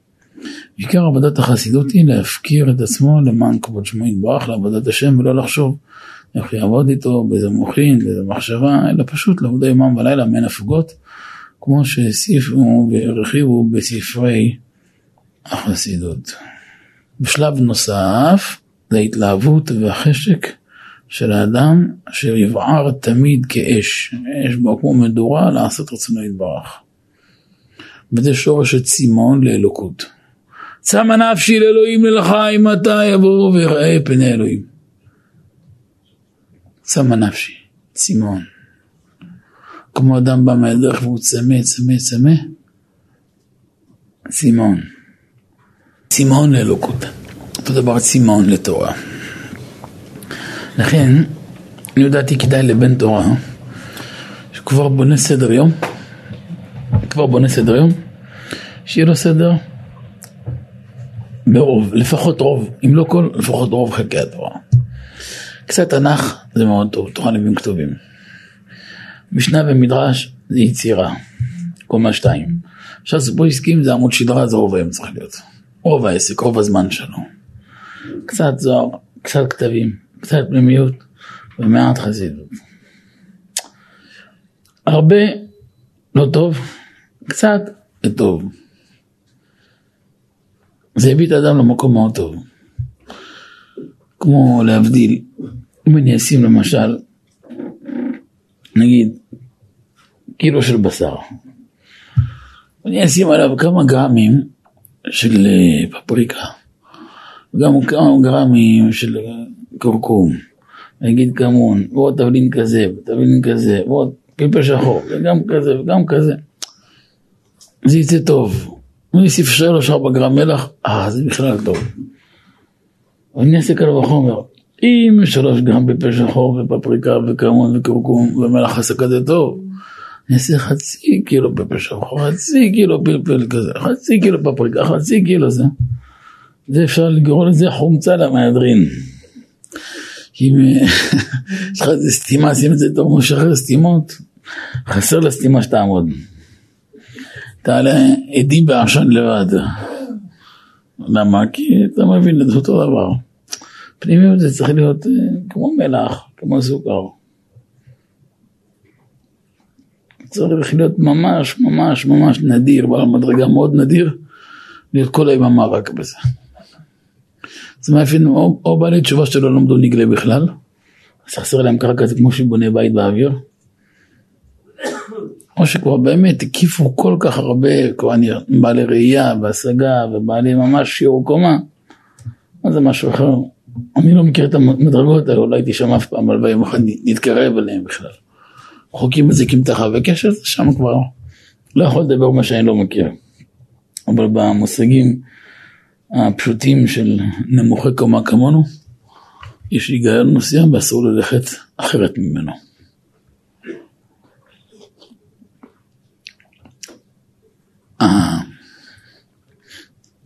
הדקות האלו שאדם ישלב בפנימיות, ייתן נופך וטעם, וילהיב את האש בעבודה כל היום. מי שכל היום יהיה רק אותו עכשיו פוסקים זה נפלא, אבל בשלב מסוים בלתי נמנע שגם יהיה לו יובש לא קטן. לכן בדרך כלל שההלכה הם אנשים מאוד חשובים וטובים, אבל יש בהם המון המון יובש, יש להם בנק של יובש. עכשיו בזלין לא מועיל לו, יש להם יובש פנימי, סוג של שכלתנות יבשה שיוצקת את המוח, כמו איזה משהו, כדי להינצל מזה חייב יד בפנימיות, קבלה וחסידות, ואז ילכלך את המערכת, מכניס אש וחיות פנימית נכונה, הוא נותן נופך וטעם לכל המערכת, מה גם שזה בשלב מסוים משלים את המערך של ההלכה, כי הלכה בלי חסידות וקבלה זה כמו, במידה מסוימת כמו גוף בלי נשמה, אבל הפנימיות היא תוסיף הרבה הרבה נופך, וחשיבות מאוד מאוד. רק פנימיות אמרתי לכם, נשמה בלי גוף זה שדים ורוחות, גוף בלי נשמה זה גוף בלי, אתם יודעים מה זה. שילוב של שתיהם זה יהיה מציאות של חיים. לכן חלק בבסיס ויסוד בעבודה של החסידות זה התלהבות והחשק בצמאון לאלוקות, הצמאון לתורה וצמאון לזכות לעשות רצונו. שכר מצווה מצווה אומר רבא, שכר מצוות בעיה על מלאיקה כי אין שכר שיכול להכיל מצווה אחת.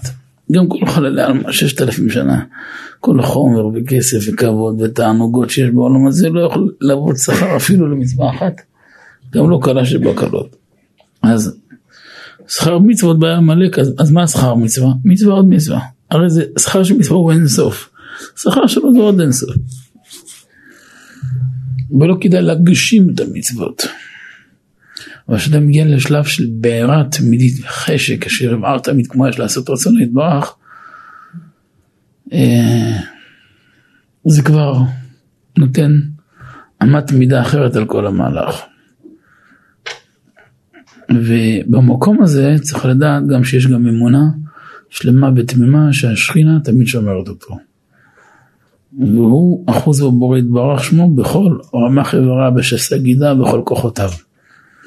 הוא מסתכל בבורא יתברך שמו בכל רגע, בכל תנועה שלו. והבורא יתברך משיב לו מבט, מסתכל עליו כנגד.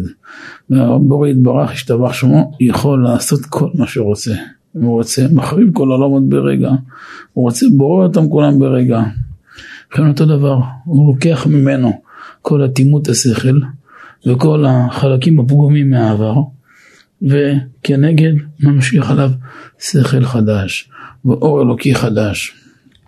ואז גם הכלים שלו יהיו חדשים לגמרי.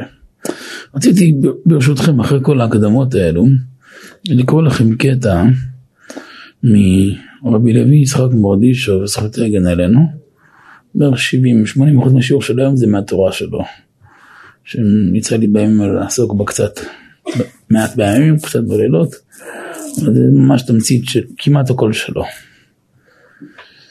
אה, תקראו, תשמעו איזה לשון יפה הרי למדנו כי לעבודת השם צריך חריצות ופיקחות רבה. מורנה כמה מאיר אלינו בדבריו הקדושים. חולשת הנפש איננה, זה מה שדיברנו מקודם, חולשת הנפש, זה גם אתמול בערב הרחבנו יותר, איננה עניין של שפלות כלל וכלל, זה לא מעניין בחיי, זה טיפשות, זה לא שפלות. כי לעבודה, זה לא עבודה בבטון, זה עבודת השם, ווידה. כי לעבוד, לעבודה צריך עזות. מה זה עזות? ישראל עזית באומות, תוקף. בוא נוריד את זה במילים יותר פשוטות. צריך להיות, בוא נראה כמה הבנתם, בטוח בעצמו. אגב, מהערת שוליים עכשיו, הרבה פעמים אנשים באים, הרב, ברכה שיעבור את הטסט, הוא לא עבר טסט. אחד אמר לי כבר 13 טסטים נכשל. כמו בר מצווה. אולי השם לא רוצה שלא רישיון? אמרתי לו, לא, אולי השם רוצה שיהיה לך יותר ביטחון עצמי. תהיה בטוח בעצמך. למה יש לך דובר בטסט ראשון? כי הוא בטוח בעצמו. אמרו לו תופס אצלו מקום. יש לך כמו עלה נידף, אז גם 70 טסטים הוא לא יעבור. אתם מבינים? אז זה לא תשובה לטסט, זה תשובה לטסט הרוחני. גם במסלול העלייה מפה לשם יש הרבה הרבה נהיגה. רק זה לא נהיגה של ארבע גלגלים, זה נהיגה מסוג אחר, הרבה יותר חזקה. אז איך מגיעים אליה? צריך בשביל זה להיות מאוד מאוד בטוח במקום שלו. בפיקחות ביותר. בעיקר העבודה צריכה להיות, אחד, אם אתם כותבים אתם מעבירים. בגדלות עמו יכין. המתנה הכי יפה שיהודי יכול לקבל בעולם, בחיים שלו, זה מוכין דגדלות, זה יותר מכל הון יקר שבעולם. העונש הכי קשה שאדם יכול לקבל, זה מוכין דקטנות. בכבוד. הדבר הכי קשה שאדם יכול לקבל, זה מוכין דקטנות. המתנה הכי גדולה במוכין דגדלות, הכלל במוכין דגדלות, מכיל הכל. אתם יודעים למה זה דומה? כביש עם עשר נתיבים לכל צד. עשה 80, 100, 120, 140, 160, 180, 200, 240, איך שתיסע זה טוב. פעם נסעתי עם אבא, עליו השלום, באירופה באיזשהו כביש. אז ישבנו שתינו מאחורה והיה איזשהו מרצדס שלקח אותנו, שם מהמקום, נהג במקום, אז גוי חמור שלו. הם הסיע אותנו בזמן שהיינו שם. אז אני הייתי רואה שהוא נסע על 200, 220, 240, לא הרגשנו, נראה כמו 130 כזה כאן בכבישים של תל אביב כזה. אז אמרתי לאבא, אבא תסתכל למסך שלו, 240 אתה לא מרגיש. אבל התברר, היה שם שתי תנאים. א', כביש מאוד מאוד ישר, הרבה נתיבים, יש מקום לכולם.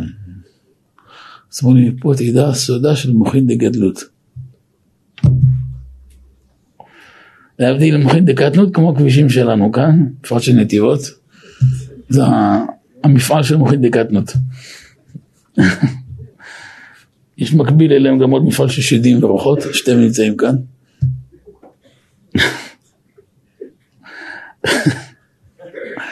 נתיב אחד, תתמודד. צריכים עבודות בכביש, מתי עושים? מ-8 בבוקר ל-4 בצהריים, שעות מצוינות. שתיים בלילה הכביש שומם, אין בעיה. גזל שינה, עובדים בכביש צריכים לישון. אבל ביום כן אין בעיה, לא, שום בעיה, הכל בסדר. תחנת אוטובוס על שלוש נתיבים, וכביש ככה. אומרים שלא יהיה תאונות. אם היה מושב שוקד, אתה צודק, אבל עיר עם 70 אלף תושבים עושים נתיב אחד, אך סחר. פיקחות. זה גם טוב, נו, יום אחד אולי יזוז משהו. לפעמים יש גיל עם נשירת השיער, זזים גם עוד דברים מבפנים. אולי יום אחד יסתדרו כמה...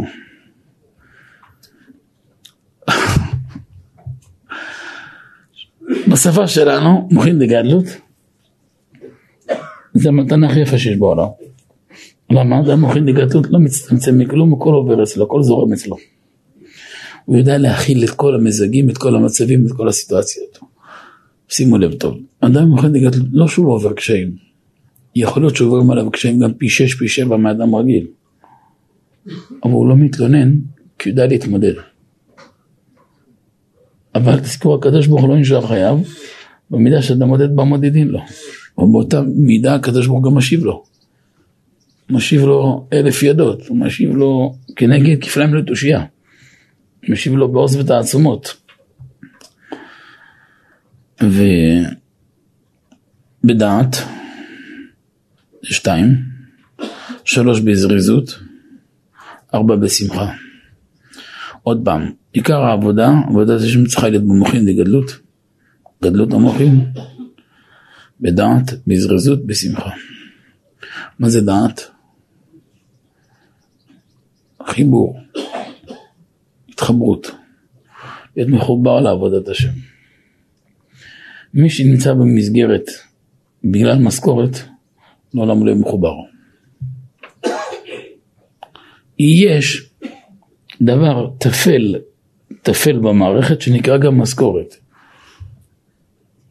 אבל לא בגלל זה אדם חי במערכת.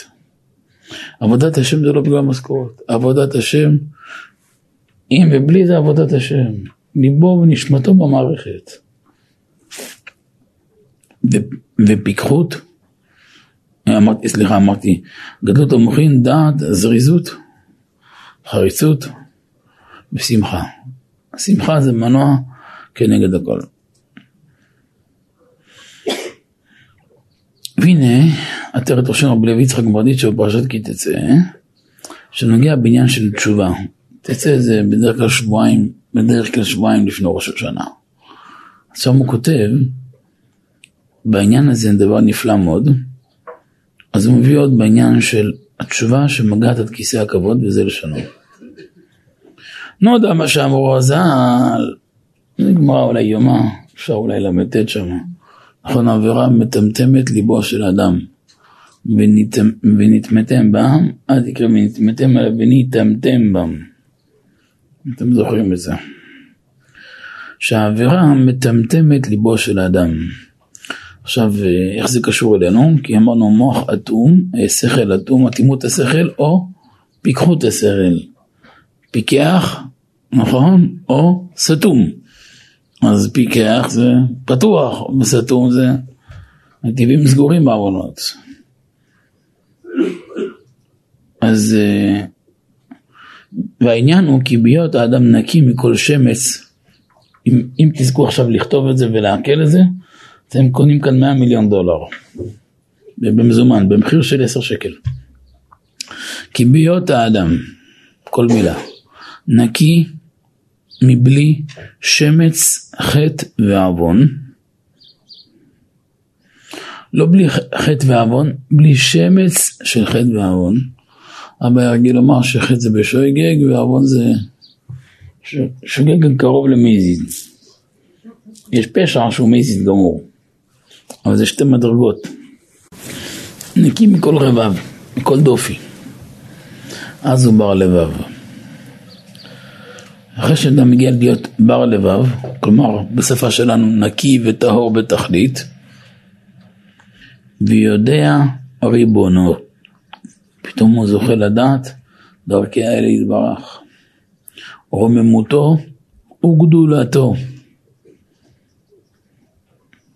אני קורא לאט שתכתבו.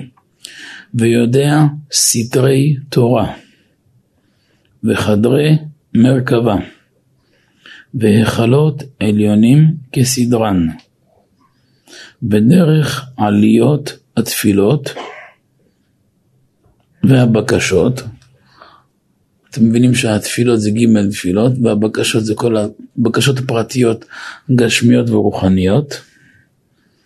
ועליית הנשמות, ברגע שמכיר את המסלול ואופן העלייה ודרך העלייה, אז גם יודע להתמודד בהרבה סיטואציות, גם איך להתכונן אליהם, איך למנוע תקלות. זו הסיבה שצדיקים מקפידים להיות תמיד טהורים. תמיד תמיד נקיים וטהורים, שלא ייגרע מהם שום חלק בהשגה ושום ניצוץ לא ייכחד מהם. לפעמים חוסר הטהרה תעדר ההשגה. ועיל בלא בר, נכנס בלי לבקש רשות, כמו בן המחפש בגנזי אביו. כלומר בוא נגיד בשפה שלנו נהיה כמו בן בית בהיכלות העליונים. הוא חי כאן, גברא בגוברין, איש בין אנשים, מתהלך בין אנשים, אבל רוחו ומדורו בין עליונים. אבל כשאדם עובר עבירה, רחמנא ליצלן, תראו מה קורה בכל פעם שחוטאים בשמירת העיניים, כל פעם של לשון הרע, כל פעם של איזה שטות, כל פעם שמאמצים איזה תאווה גשמית, זה לא אסור. משום אחד, אבל זה בד"ץ, אבל זה עדה חרדית, זה מחפוד, זה רובין. הנה חינמי, אז בגלל שזה רובין צריך לאכול את כל המפעל, מה? את כל הגלגל של השווארמה. מה זה תעודת הכשר, זה הכשר לגיהינום, מה זה? רק כשאדם עובר אבעירא, רחמנא ליצלן, אז העוון הוא מסך המבדיל בינו לבין אלוהיו, מקור השכל. אז, אז מי המפתח של השכל? מקור השכל, מי נקרא מקור השכל? אה? השם יתברך. כי מה זה השכל? זה אור אלוקי, נכון? המוח זה כלי גשמי. מה זה שכל? זה אור אלוקי, יפה מאוד. ובהתאם לזיכוך של המוח, בהתאם לז, לזיקוק ולטהרה של הכלים, כי נשרה אור אלוקי שנקרא שכל. לכן שאדם מתאמץ מלמטה, הקדוש ברוך הוא עוזרו מלמעלה. אבא הרב יורם עליו השלום היה מוסיף, והקדוש ברוך הוא לא נשאר חייב למי שנאמן לו. פשטייסט, הבנתם? עברתם.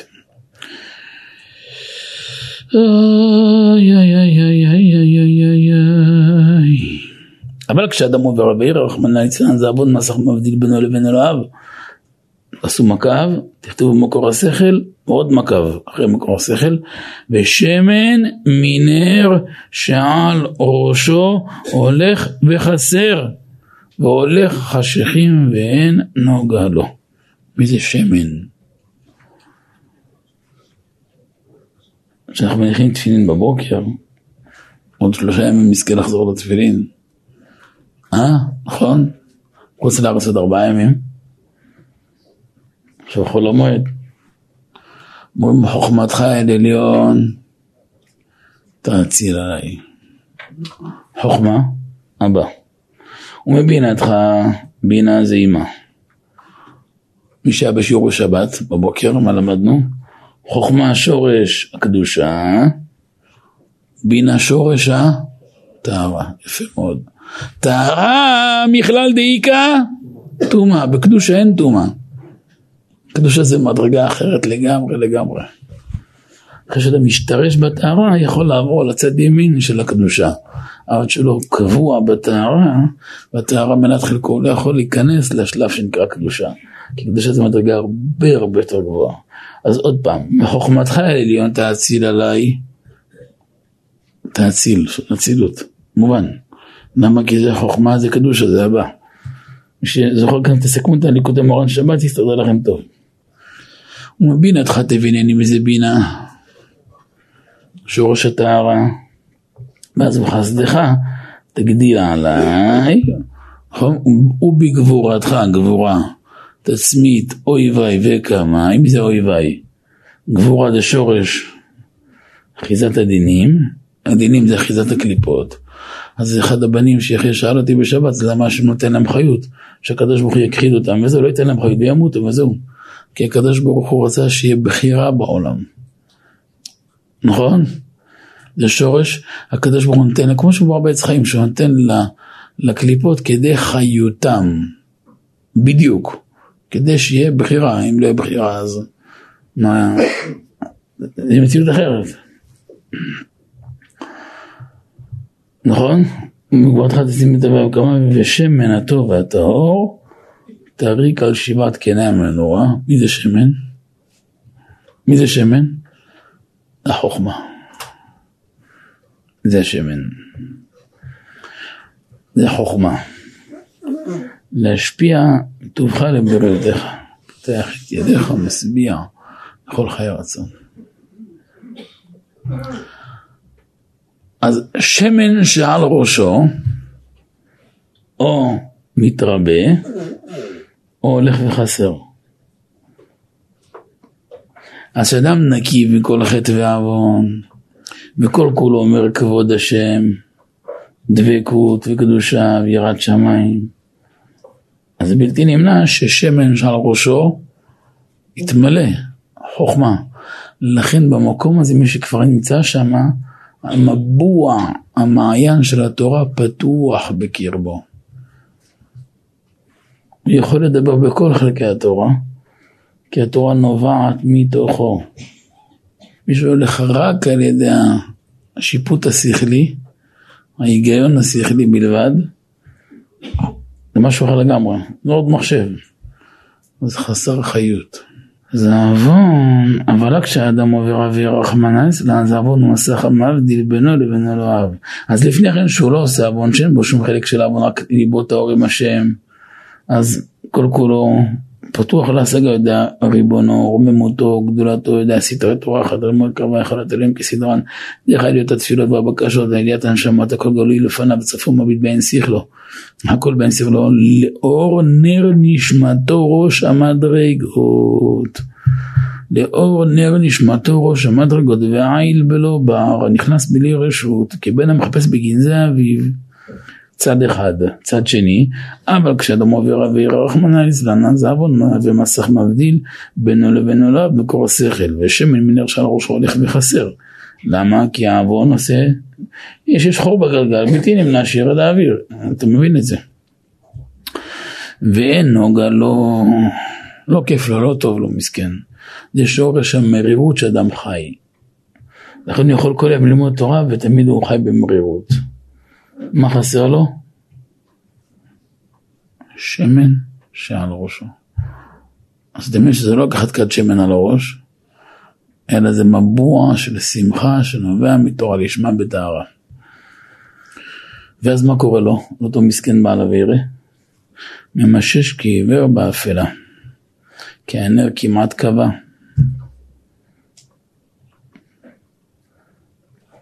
איזה כאב לב.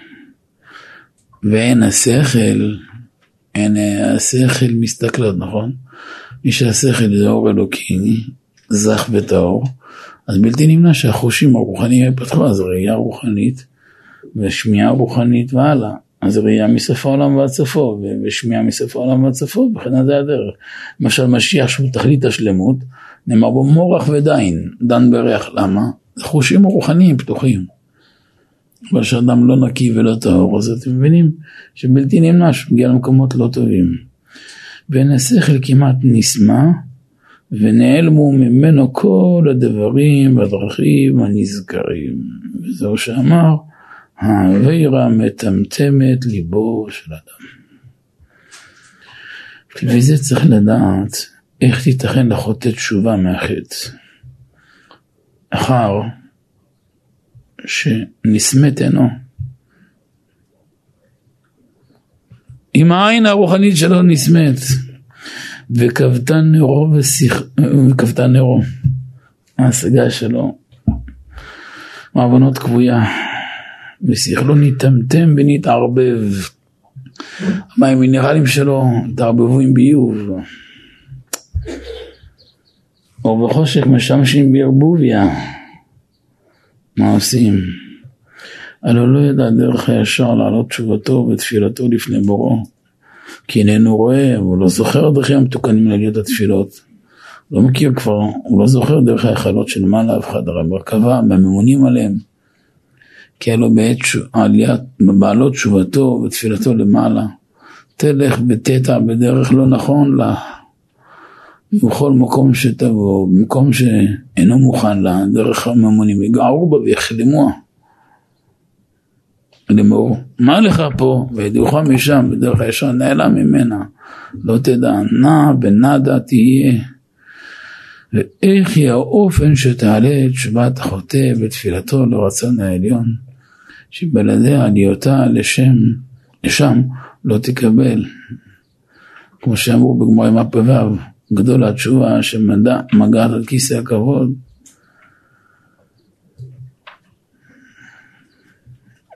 ואז הוא ממשיך וממשיך ואני קצת מקצר. ואז מביא שמה ש...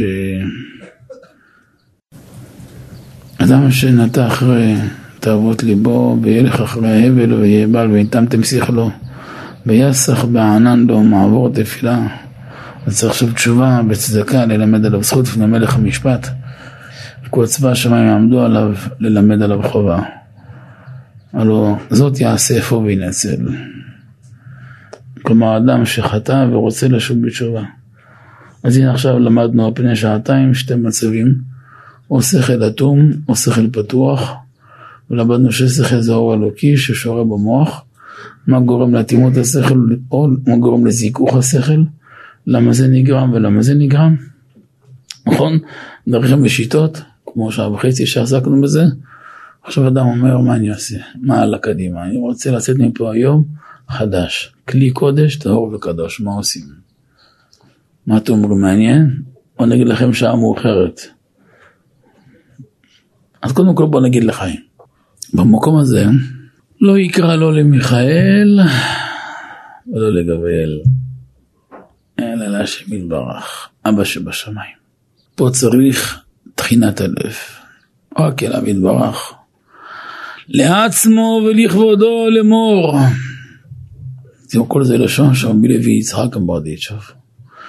תראו מזעזע, מבהיל את הנפש באיזה מדרגות הם מחזור. זה רק 200 שנה אחורה. זה לא 2,000 שנה. זה לא ימי הנביאים. זה 200 שנה אחורה. תראו איזה פלא, איזה מדרגות הם החזיקו. כל הצבאות של מעל היו מצויים לפניהם, פה בפלא.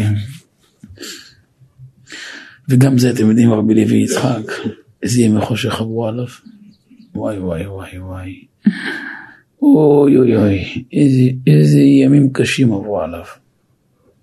אבל זה שייך לשיעור, אולי, אולי אם נספיק את השיעור הזה, כל מה שרציתי, אז שיעור הבא זה יהיה. ההתמודדות בימי חושך, איך, איך שורדים אותם, איך עוברים אותם. וצריך לדעת, ככל שאדם הולך לפני אור גדול יותר, גם חי, חייב לעבור, בלתי נמנע לעבור מסע של חושך. אי אפשר, אי אפשר להגיע לאור בלי חושך. תזכרו באותה נשימה, אנחנו אומרים יצר אור? אה? לא, לא שמעתי. הוא בורא חושך. אומר רבא רבי יורם, יוצר יצירה, הוא בורא בריאה. החושך בבריאה יותר גבוה. הבנתם? אז מי שהבין הבין. מאיפה רואים? מהשחור שבעינו בלבן. למה? לבן יותר יפה. אה? הבנתם הכל. חושך יותר חזק מה... אור שיבוא אחרי חושך יש לו משקל. בריאות שתבוא אחרי חולי יש לה משקל גדול. חלילה לא טוב להיות חולה, תמיד יתמיד בריאותנו בעזרת השם. ישלח רפואה שלמה כל חולי עמו ישראל. אבל גם כשקורה משהו צריך להיות שמח. אז הנה. אומר רבי לוי יצחק, לא יקרא לו למיכאל ולא לגבריאל, אלא רק אל המטבח לעצמו ולכבודו לאמור. מלכי ואלוהי, אתם כותבים, אה? אומר רבי לוי יצחק ברדישוב, תתחילו להשתפך לפני השם, ערב בבוקר וצהריים, מקירות הלב. מלכי ואלוהי, אמנם חטאתי, כזאת וכזאת עשיתי. הנה ניחמתי כי עשיתי. את המעשים אשר לא טובים. והנני מתחרט. ארבעה שלבים של התשובה שכתב הרמב"ם. אז יבת אחרת חרטה וידוי קבלה לעתיד. ומודה ועוזב לא אשוב לכסלה עוד. רק אותך לבדך ביראה אעבוד. יראה זה השיעור של אתמול בבוקר, אתם זוכרים? אתמול כל השיעור היה מפתח היראה, כל הבוקר, אתם זוכרים? שבלי יראה אין אהבה. נכון? המפתח של אהבה זה יראה. בלי יראה אין אהבה, גם מדרגות ביראה. אתם זוכרים, זה אתמול בבוקר. רק ביראה אותך אעבוד כראוי למלך הכבוד, ובך ידבק. ביראתך, באהבתך, ובתורתך יהגה יומם ולילה לשמה. אך, אנא, אלוקים, אחרי שעוונותיי עברו ראשי, ושימו עיני שכלי, וקיבו נערי, וטמטמו את שכלי, איך בונה את זה לפי המדרגות של ההיכלות והעולמות, איפה שפגע הפגם, ואיך עכשיו לתקן את הפגם. לכן נעלמו ממני דרכי התשובה, ממש יש קבר ואפלה. לכן הורני אדוני דרכך, הלך בעמיתך, יחד לבבי, נראה שמך. וכולי, פה השתפך לפני השם, בקש רחמים. ואז יוסיף הורני ולמדני את הדרך אלך בה, המעשה אשר אעשה. שיבני אדוני אליך ואשובה, חדש ימי כקדם. תהיה בטוח שהוא יתברך אל מלא רחמים, מלא רחמים, מלא רחמיו וחסדיו, יחתור לו חתירה תחת כיסא כבודו להורות לו דרכי התשובה ויקבלהו. ולא רק יקבל אותו, אלא וישימהו במעלות אנשי סגולתו ותפארתו, ישראל אשר בו יתפאר. כי הבעל תשובה זה הראה ניצחון חזק אחרי שנטל את האהבה. ותיים תמה דאיסורא הגביר שכלו על תאוותו ושבר עוון תאוותו ושב אל אלוקיו. וזה נוגע לכל מי שחטא בדור שלנו באינטרנט או בכל הדומה לו, מבואות אפלים, בסטה מני שכלו. שישתפך לפני השם עשרות פעמים ביום, ויקבל על עצמו לשמור את ליבו, מחשבה דיבור מעשה לפני השם, ושב אל אלוהיו, וגם לאשר שורה.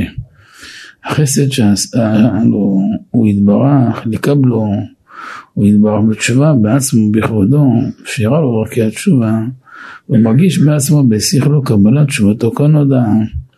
לכן הוא מתחזק בעבודה ומתעצם מאוד.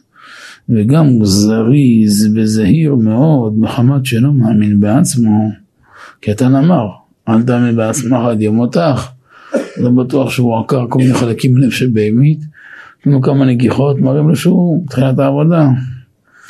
לפעמים אדם חושב שהוא הגיע לברר את הרע הגנוז, ואיזה רע ואיזה גנוז, כולו חתיכה של רע גנוז. רע גלוי, לא גנוז. אחר שידע בנפשו, כי יצא פעם אחת מעבודת בורו, לכן משתדל תמיד להתעצם, תמיד בעבודה, יראה ואהבה ודבקות. יראה היא הבסיס. קומה מעליה תהיה אהבה, בלי יראה אין אהבה. ואחרי יראה ואהבה, יבוא דבקות. לימוד תורה שיבוא מהמקום הזה, זה כבר יהיה לימוד תורה, משקל אחר, טעם אחר. זה נקרא מתיקות אור השכל. ומתוק אור וטוב לעיניים זה מתיקות השכל שאין יותר מתוק ממנה. אחרי שטועמים מתיקות של אור השכל, כל העולם יש לו טעם של חול. אפשר לוותר על הכל.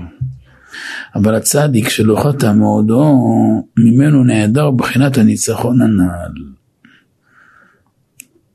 ואולי אם חלילה קרה לו חלילה, כמקרה הזה, אם היה יכול להתגבר על התאווה ולשוב לעבודת בורו, וגם הוא מאמין בנפשו, בנו זריז וזהיר כל כך. וזה שאמרו במקום שבא לתשובה עומדים, לפי צדיקים גמורים, אין יכולים לעמוד. רוצה לומר במקום הזה שבחינת הניצוח, צדיקים גמורים יכולים לעמוד. רצה לומר אולי שלא היו יכולים לעמוד בניצחון. לכן אי אפשר אף פעם לדון אף אחד. אי אפשר, אל תדון את חברך עד שתגיע למקומו. דע לך אדם ששורד את העולם הזה בלי חטא, הוא ענק. שכבר חי בתוך העולם המשוגע, בעולם המעבול הזה, עם כל השטף של הניסיונות, ושטף של מים מזדונים שצועקים ברחובות קריה ולא חוטא, אשריו. לכן אמרתי בתחילת השיעור שאני מוכן להאמין בהכל. כל מי שנראה בעל עבודה אמיתי, מוכן להאמין בהכל. גם לא אכפת לי מאיפה הוא בא, גם במקום הכי נמוך. אה, עבודה עקבית, אפשר לסדר הכל. בתנאי שהוא לא כוס חד פעמית, אלא קיטון של זהב שאפשר לשים עליו משקל, הוא לא מפחד, לא נשבר מכלום. אפשר לעשות הכל. אדם שחטא שלוש פעמים זה מאוד קשה, אבל באותה נשימה אני גם ירדתי 97 פעם שהוא לא חטא. אני קודם כל אני אגדיר אותו צדיק. כי מה נפשך לי בדר רבם זה חצי חצי. אני בדבר התניא זה גדרות אחרות. אז קודם כל אני אציא אותו מכף חובה לכף זכות. מפה אתחיל לעבוד איתו.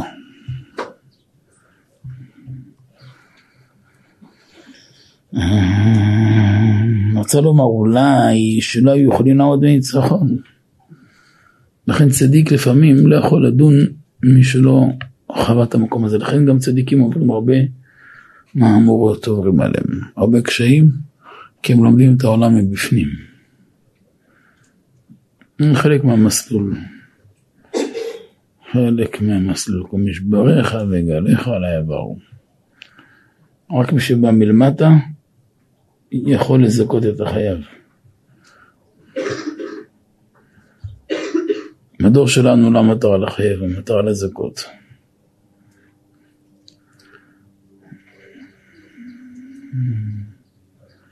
בתוך כל הדברים האלו, מבין השורות אנחנו נלמד דרכי עבודה. מצד אחד בגדלות המויכין, בצפייה בעולמות העליונים. ואף על פי שחטא יעשה תשובה ויוסיף חריצות על חריצותו וזריזות וגדלות המוחין לעבודתו יתברך שמו. עכשיו בואו ניקח סיטואציה, אדם קם בבוקר ויש לו מיגרנה והראש שלו דופק והוא גם מאוד עייף, גם אשתו גם ככה זכתה להיות שותפה של סמ"ם. אותו יום גם שפכה עליו איזה קיטון ככה על הבוקר, קצת איזה עקיצה ככה, עם שיעור, כזית אבל ככה משהו, משהו טוב. מגיע עכשיו לתפילה והמוח שלו ליבו בא לימו גם מאוד עייף. איזה לילה עבר עליו וגם זה וגם גם חרבונה זכור לטוב, עבר כל החורבן שעבר וזכור לטוב, השתבח שמו. יש שלב שצריך לדעת, הוא בעצם יחליף מסך, יחליף תדר, לשכוח מהעולם, להיות למעלה ובכלו כוח. עם כל התנופה על הקדימה, רק מול השם. כשיש מוחין דקטנות, כל דבר יכאב ויפריע ויסתיר. כשיש מוחין דגדלות, אוכלים הכל. ראש גדול מכיל הכל, תזכרו את זה. זה המתנה הכי יפה שיכולה להיות בחיים של האדם, יותר מהכל. זה המקור של הכל. מי שיש לו את זה, יש לו הכל. מי שאין לו את זה, יש לו הכל, אין לו כלום. זה הכל.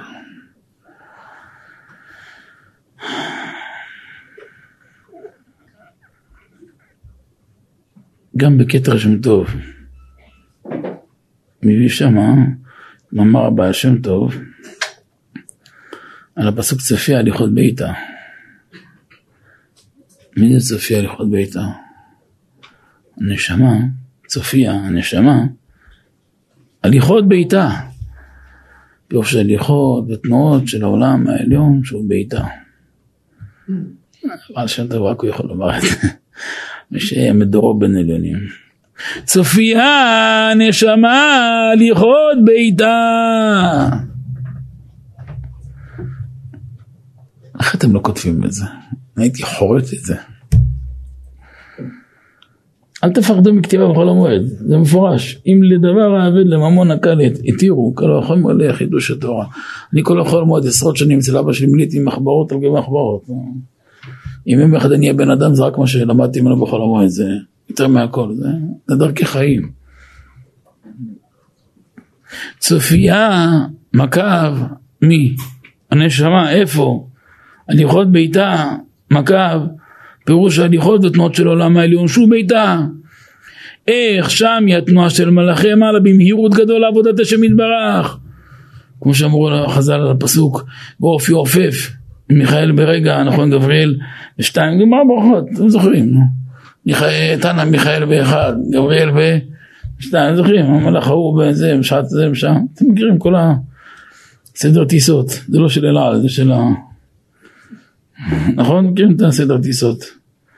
יש טיסות של אל על ויש נתב"ג ויש... אה, חוץ מהחברות האחרות יש גם טיסות של למעלה, טיסות יותר אמיתיות. אז גם הוא יעופף, גם הוא ראוי ולחם מצלות לא תאכל. הם טסים כל העולם ברגע. גם אדם יש נשמה, חלק אלוקא ממעל. אין סוף יכול גם להשיג הכל.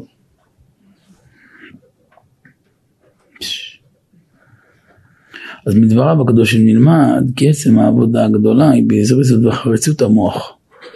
לחשוב במהירות וכישרון עניינים נפלאים מעולמות העליונים, מחשק ושמחה ואהבה ויראה. חשק אחד, ושמחה זה שתיים, אהבה שלוש, יראה ארבע, זה מלמעלה למטה. כל עבודתו תהיה כעבודת המלאכים בזריזות ובשמחה, מהר, כעבודת כהנים משרתי השם בבית הגדול והקדוש ייבנה במהרה בימינו. כל עבודתו עבודת הקודש, עבודת שמיים, הכל בחריצות בזריזות. הרחק הרחק מכבדות והנחה. לקום בבוקר בזריזות, בשמחה, להתפלל בזריזות, להגיע, הגיע הזמן לעמוד לשרת את המלך הקדוש. נס, תמיד תקדים לו כמה דקות, ללמוד לפני, והתעוררות הלב והנפש. לא לתת מקום, לא לתת מקום למחשבות זרות, להרהורים, לכבדות, למשיכת זמן, לעייפות. אין ההפך הגמור מעבודת הבורא יתברך האמיתית. ללכת לבית המדרש בזריזות, לשבת ללמוד תורה בשמחה ובזריזות, גם הלימוד עצמו בהתמדה ובזריזות. כמו כן גם התפילה עצמה בזריזות, אין הכוונה למהר, להתפלל מהר מהר מהר כמו אלו שטסים על 280 בתפילה, אתה עוד לא מתחיל עם כבר סיימו. זה, זה נקרא ברוך שפטרנו, זה לא, לא, לא המטרה לסמן וי, זריזות הנפש. אלא שהמחשבה זה לא שהתפילה תהיה מהירה, אלא שהמחשבה תעבוד בזריזות ולא בכבדות. זריזות אינה מהירות. זריזות היא השמחה במחשבה ודעת. תכתבו את זה. תכתוב את זה. זריזות אינה מהירות.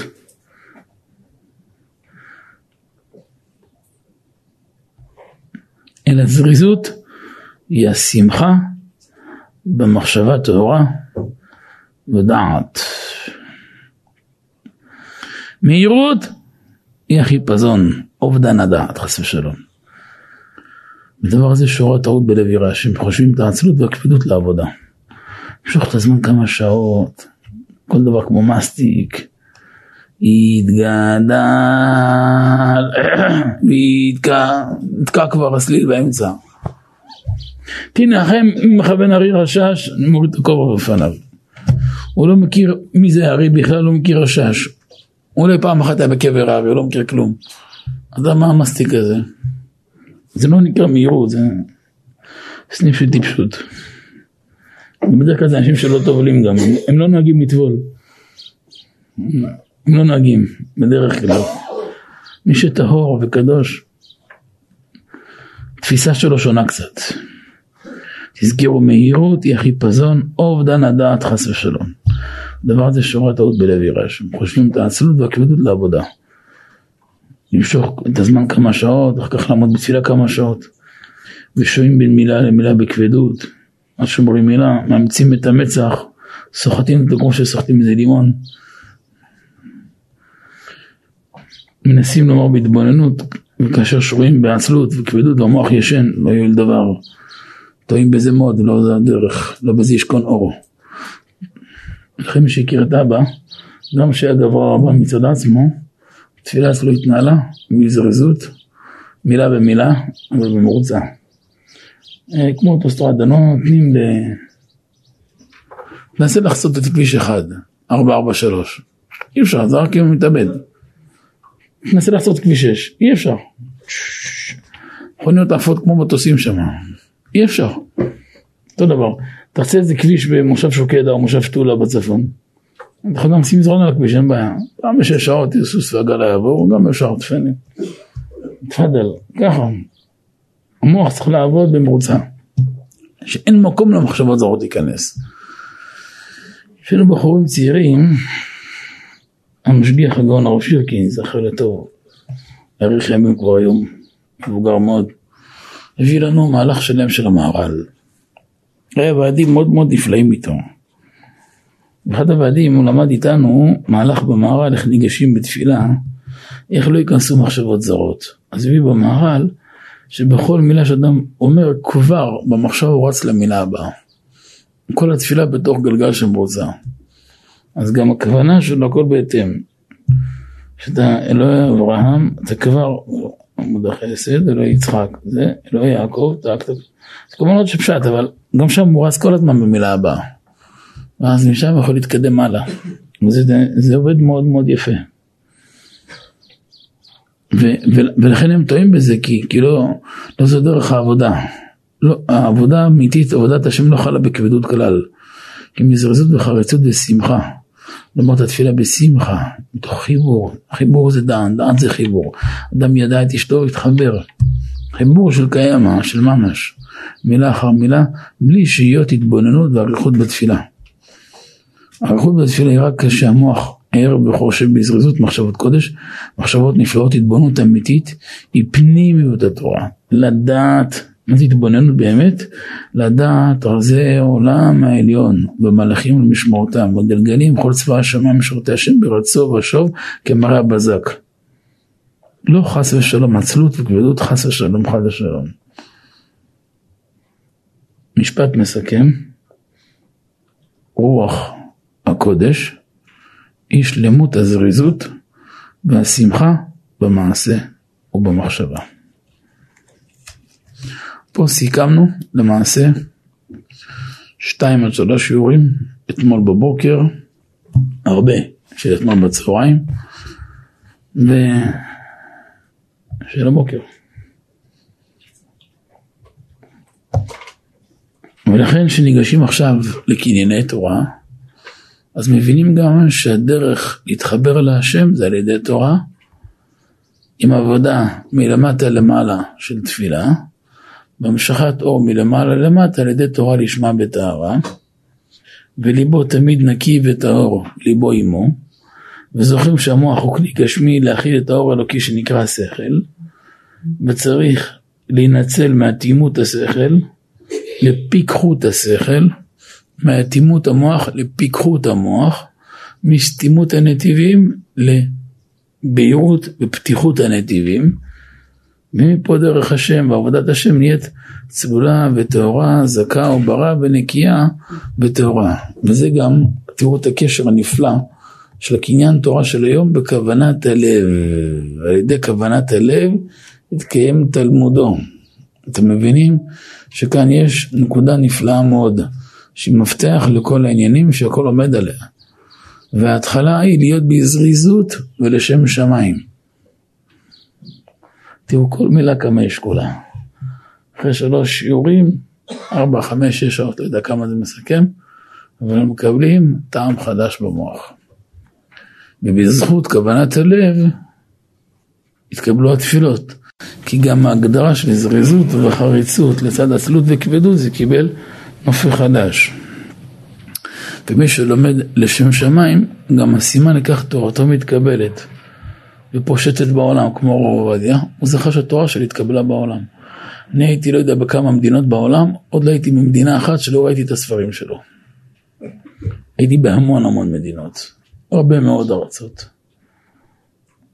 לא זוכר שהייתי בבית כנסת בקהילה, ספרדית או אשכנזית, או כל הגוונים של הקהילות היהודיות שביקרתי, ולא ראיתי ספרים שלו. אין דבר כזה. הוא זכה בפשטות גמורה, בתורה נשמע בטהרה. זו דוגמה יפה, קלאסית. בעולם הפנימי, הרבי מלובביץ' זכה למה שלא זכה אף אחד, גם שהשמועה שלו והכוח שלו והתורה שלו הולכת מסוף העולם ועד סופו, בין פינה שאתה מגיע בכדור הארץ, אתה לא רואה אותו ואת אנשיו. אין דבר כזה. גם במעברי ביטחון הכי מסווגים, גם במקומות הכי הכי מסווגים בארצות הברית או אי שם, בעולם במזרח או במערב, בצפון או בדרום, עד הקוטב, עד איפה שלא יהיה, אתה מוצא את אנשיו. כי מי שפועל לשמה בטהרה, בסוף, מסוף העולם ועד סופו, מכריזין עליו. יש בש"ס. אולי יהיה במות שמה? מה, תראו ביבמות שמה, אתה הוא רבי עקיבא, נכון? בצרת הבת. בצרת הבת, אנחנו מכירים בסוגיה. אה, אתה רבי עקיבא ש... נכון? שמך, שמך יוצא מסוף העולם ועד סופו, מכריזין עליו. יש שתי לשונות. יש כמה ככה בש"ס, טוב רבי זה, טוב. יש שם בצורה, אה, אה, אה, דוסה בן ארקינס ויונתן בן נכון? שם יש גרסה, בכור שטן, אבא אמר לא לגרוס, בכור קטן. קטן, לא שטן. שם אבא שינה את הגרסה. קטן, לא, אתם מכירים את העניין. טוב, אז יהי רצון שיהיה כל נחת רוח לפניו יתברך, ואילו לשכינה מהשיעור של היום. נזכה לאור באורח חיים, לעשות רצונו כרצונו, בשמחה ובשלמות, אמן, כן יהי רצון. בערב, פרק הבא של הנושא הזה, מאתגר מאוד, רציני מאוד. עכשיו היה, שמרנו על גובה נמוך. בערב תכינו כלים טובים, ובשר שתאכלו היום תכוונו להוסיף עוד כוח בנשמתכם, לא רק בגופכם, ותבואו ערנים וטהורים ושמחים, כי בעזרת השם יזכנו השם בערב. זה גם כנגד ישיר של אשדוד בנתיבות, אז צריך לתת גם מנה כפולה, ויהיה מאוד טוב בעזרת השם, בעזרת השם. חמש וחצי מנחה, אחר כך שיעור. ואחר כך ערבית בשמחה רבה. ברוך אדוני לעולם, אמן ואמן. יתברך שמו של מלך מלכי המלכים, קדוש ברוך הוא שור שם ואחר מאדם ולמדת המילה והחסד שבח לאבותינו הקדושים הטהורים והכל, המשתתפים בשיעור הקדוש והנפלא הזה, ובפחד הצופים המאזינים. אתה השם ישמר ים וחצי הרצון, אתה טרם יזכו לתשובה שלמה ברכה מרובה. לא באורח חיים לא יצאו מהעולם עד שיתקנו את כל המעוות ומה שהשחיתו לפני השם, יזכו להיות כלי קודש, לשרת בקודש, לעשות רצונו. רצונו כרצונו, וכן יהיה רצון ונאמר אמן.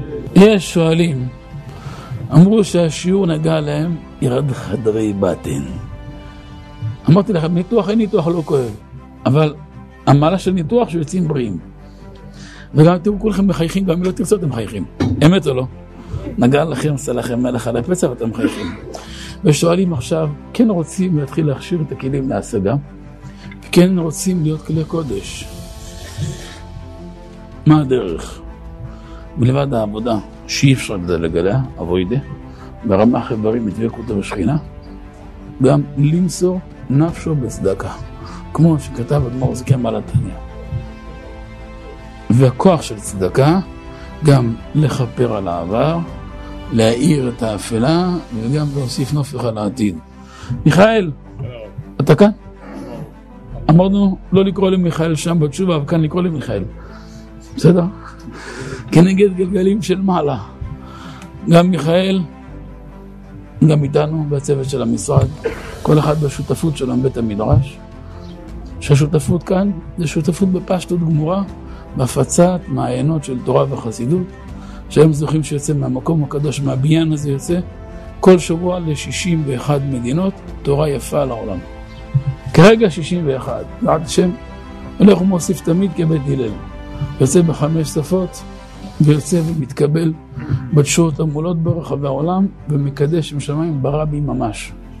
עושה נפשות בלי סוף, אבל הדברים האלה עולים הרבה, וכדי שדעתי תהיה מיושבת ברוח, ולהיות טרוד ברוחניות שלכם, ולא בגשמיות, אני צריך שהמערכת יזרום, שיהיה לי קמח. אם יש קמח, יש תורה, בלי, בלי קמח, איך תתנהל התורה? אומר מאיפה אין לי קמח? אין לי קמח, אין לי כלום. או אני בר ולא יודע. אז עכשיו אינטרס שלכם לדאוג שאני אהיה מיושב. כי אם אני מיושב, גם אוכל לשאת אתכם על, על חצי כתף, ובקלות. אבל אם הטייס שלכם עייף, אז מה אתם עושים? אז כל אחד יוצא מכאן היום, זו החלטה שאני רואה אותה במשרד, מקבל שמות, והצוות שלנו חרוץ וזריז, ויודע, מבין עניין, אבל אני יודע, חלקו איתי, השם יחלוק איתם. בפשטות גמורה, ככה עושה עם אבא שלי הסכמים, זה עבד יופי, גם פה זה עובד בעיירה, עובד מצוין, אם זה לא עובד כי חסר באמונה. לנו היו הסכמים, והלכנו עם הסכמים כל החיים עם אבא שלנו, לא היה לי אף פעם תקלה איתו, לא היה נורא, גם בחייו, גם אחר כך, וזה קורה כל יום, כל שעה קורה. אז גם פה אני מאמין באמונה שלמה, אני לא נוקב ולא אומר דבר. אבל את האמת, אם אדם היה צריך לעבור ניתוח, גם היה מוכר את הבית. זה לא אמרתי לכם יותר מכדי צורכו ומאמץ. לא יודע אם יעשה, חושבים מה יכול להיות שותף עם בית המדרש וכמו ירבו בישראל. תוצאה שהמערכת חזקה, הטייס שלה יכול להיות פנוי למלאכת השמיים האמיתית של הכתפיים ולא השטויסים שלא יהיו לו מה זה. אני מסוג האנשים שאסור לי להיות טרוד בענייני העולם כלל. כי אין לי זמן להיות טרוד, וחבל על הזמן שאני אהיה טרוד בחומר. אני לא סוחר, לא איש עסקים, ואני גם לא אהיה שם, לא שייך לשם, לא קשור אליי בכלל. זה כמו תקח מגנט, על העץ לא ייתפס. המתכת ייתפס. הענף שלי, אני מכיר אותו קצת, אני צריך להיות שם, לא במקומות אחרים, חבל לבזבז את הזמן. אבל אם המערכת צריכה, זה קודם להכל, אז אני צריך לצאת מהענף שלי למקום אחר, זה לא... גם לכם זה לא טוב. אז שותפות של כל אחד, קודם כל מועיל לעצמו, וגם מועיל לכלל ישראל. יהיה הכל נחת רוח לפניו, אמן כי רצון. מיכאל, אתה צריך להביא לי שמות, וכל אחד מה שזוכר, כמה שותפות בבית המדרש, אפשר מטר בבניין החדש, אפשר במקום הנוסף שעכשיו עובדים, אפשר ספר תורה שכותבים לכבוד אבא, אפשר שותפות בהפצת, בהוצאה לאור, יש כמאה ספרים שכבר התחילו לצאת לדפוס, במהלך הקיץ יצאו מכאן לדפוס הרבה מאוד ספרים, שזה תורה חדשה כמו חיי העולם שיצא עכשיו, כמו חלב הארץ, שמונה חלקים שיוצא עכשיו, והלאה. יאיר פתח הראשון, פרשה בספר תורה יפה. הבאים אצל מיכאל כאן, הוא יודע את העניינים, בהשראה באשר חלקו. אני לא נכנס לכם בכיס בשום אופן. מה שתעשו לשם שמיים, ותזכרו צדקה, מפתח של הכל.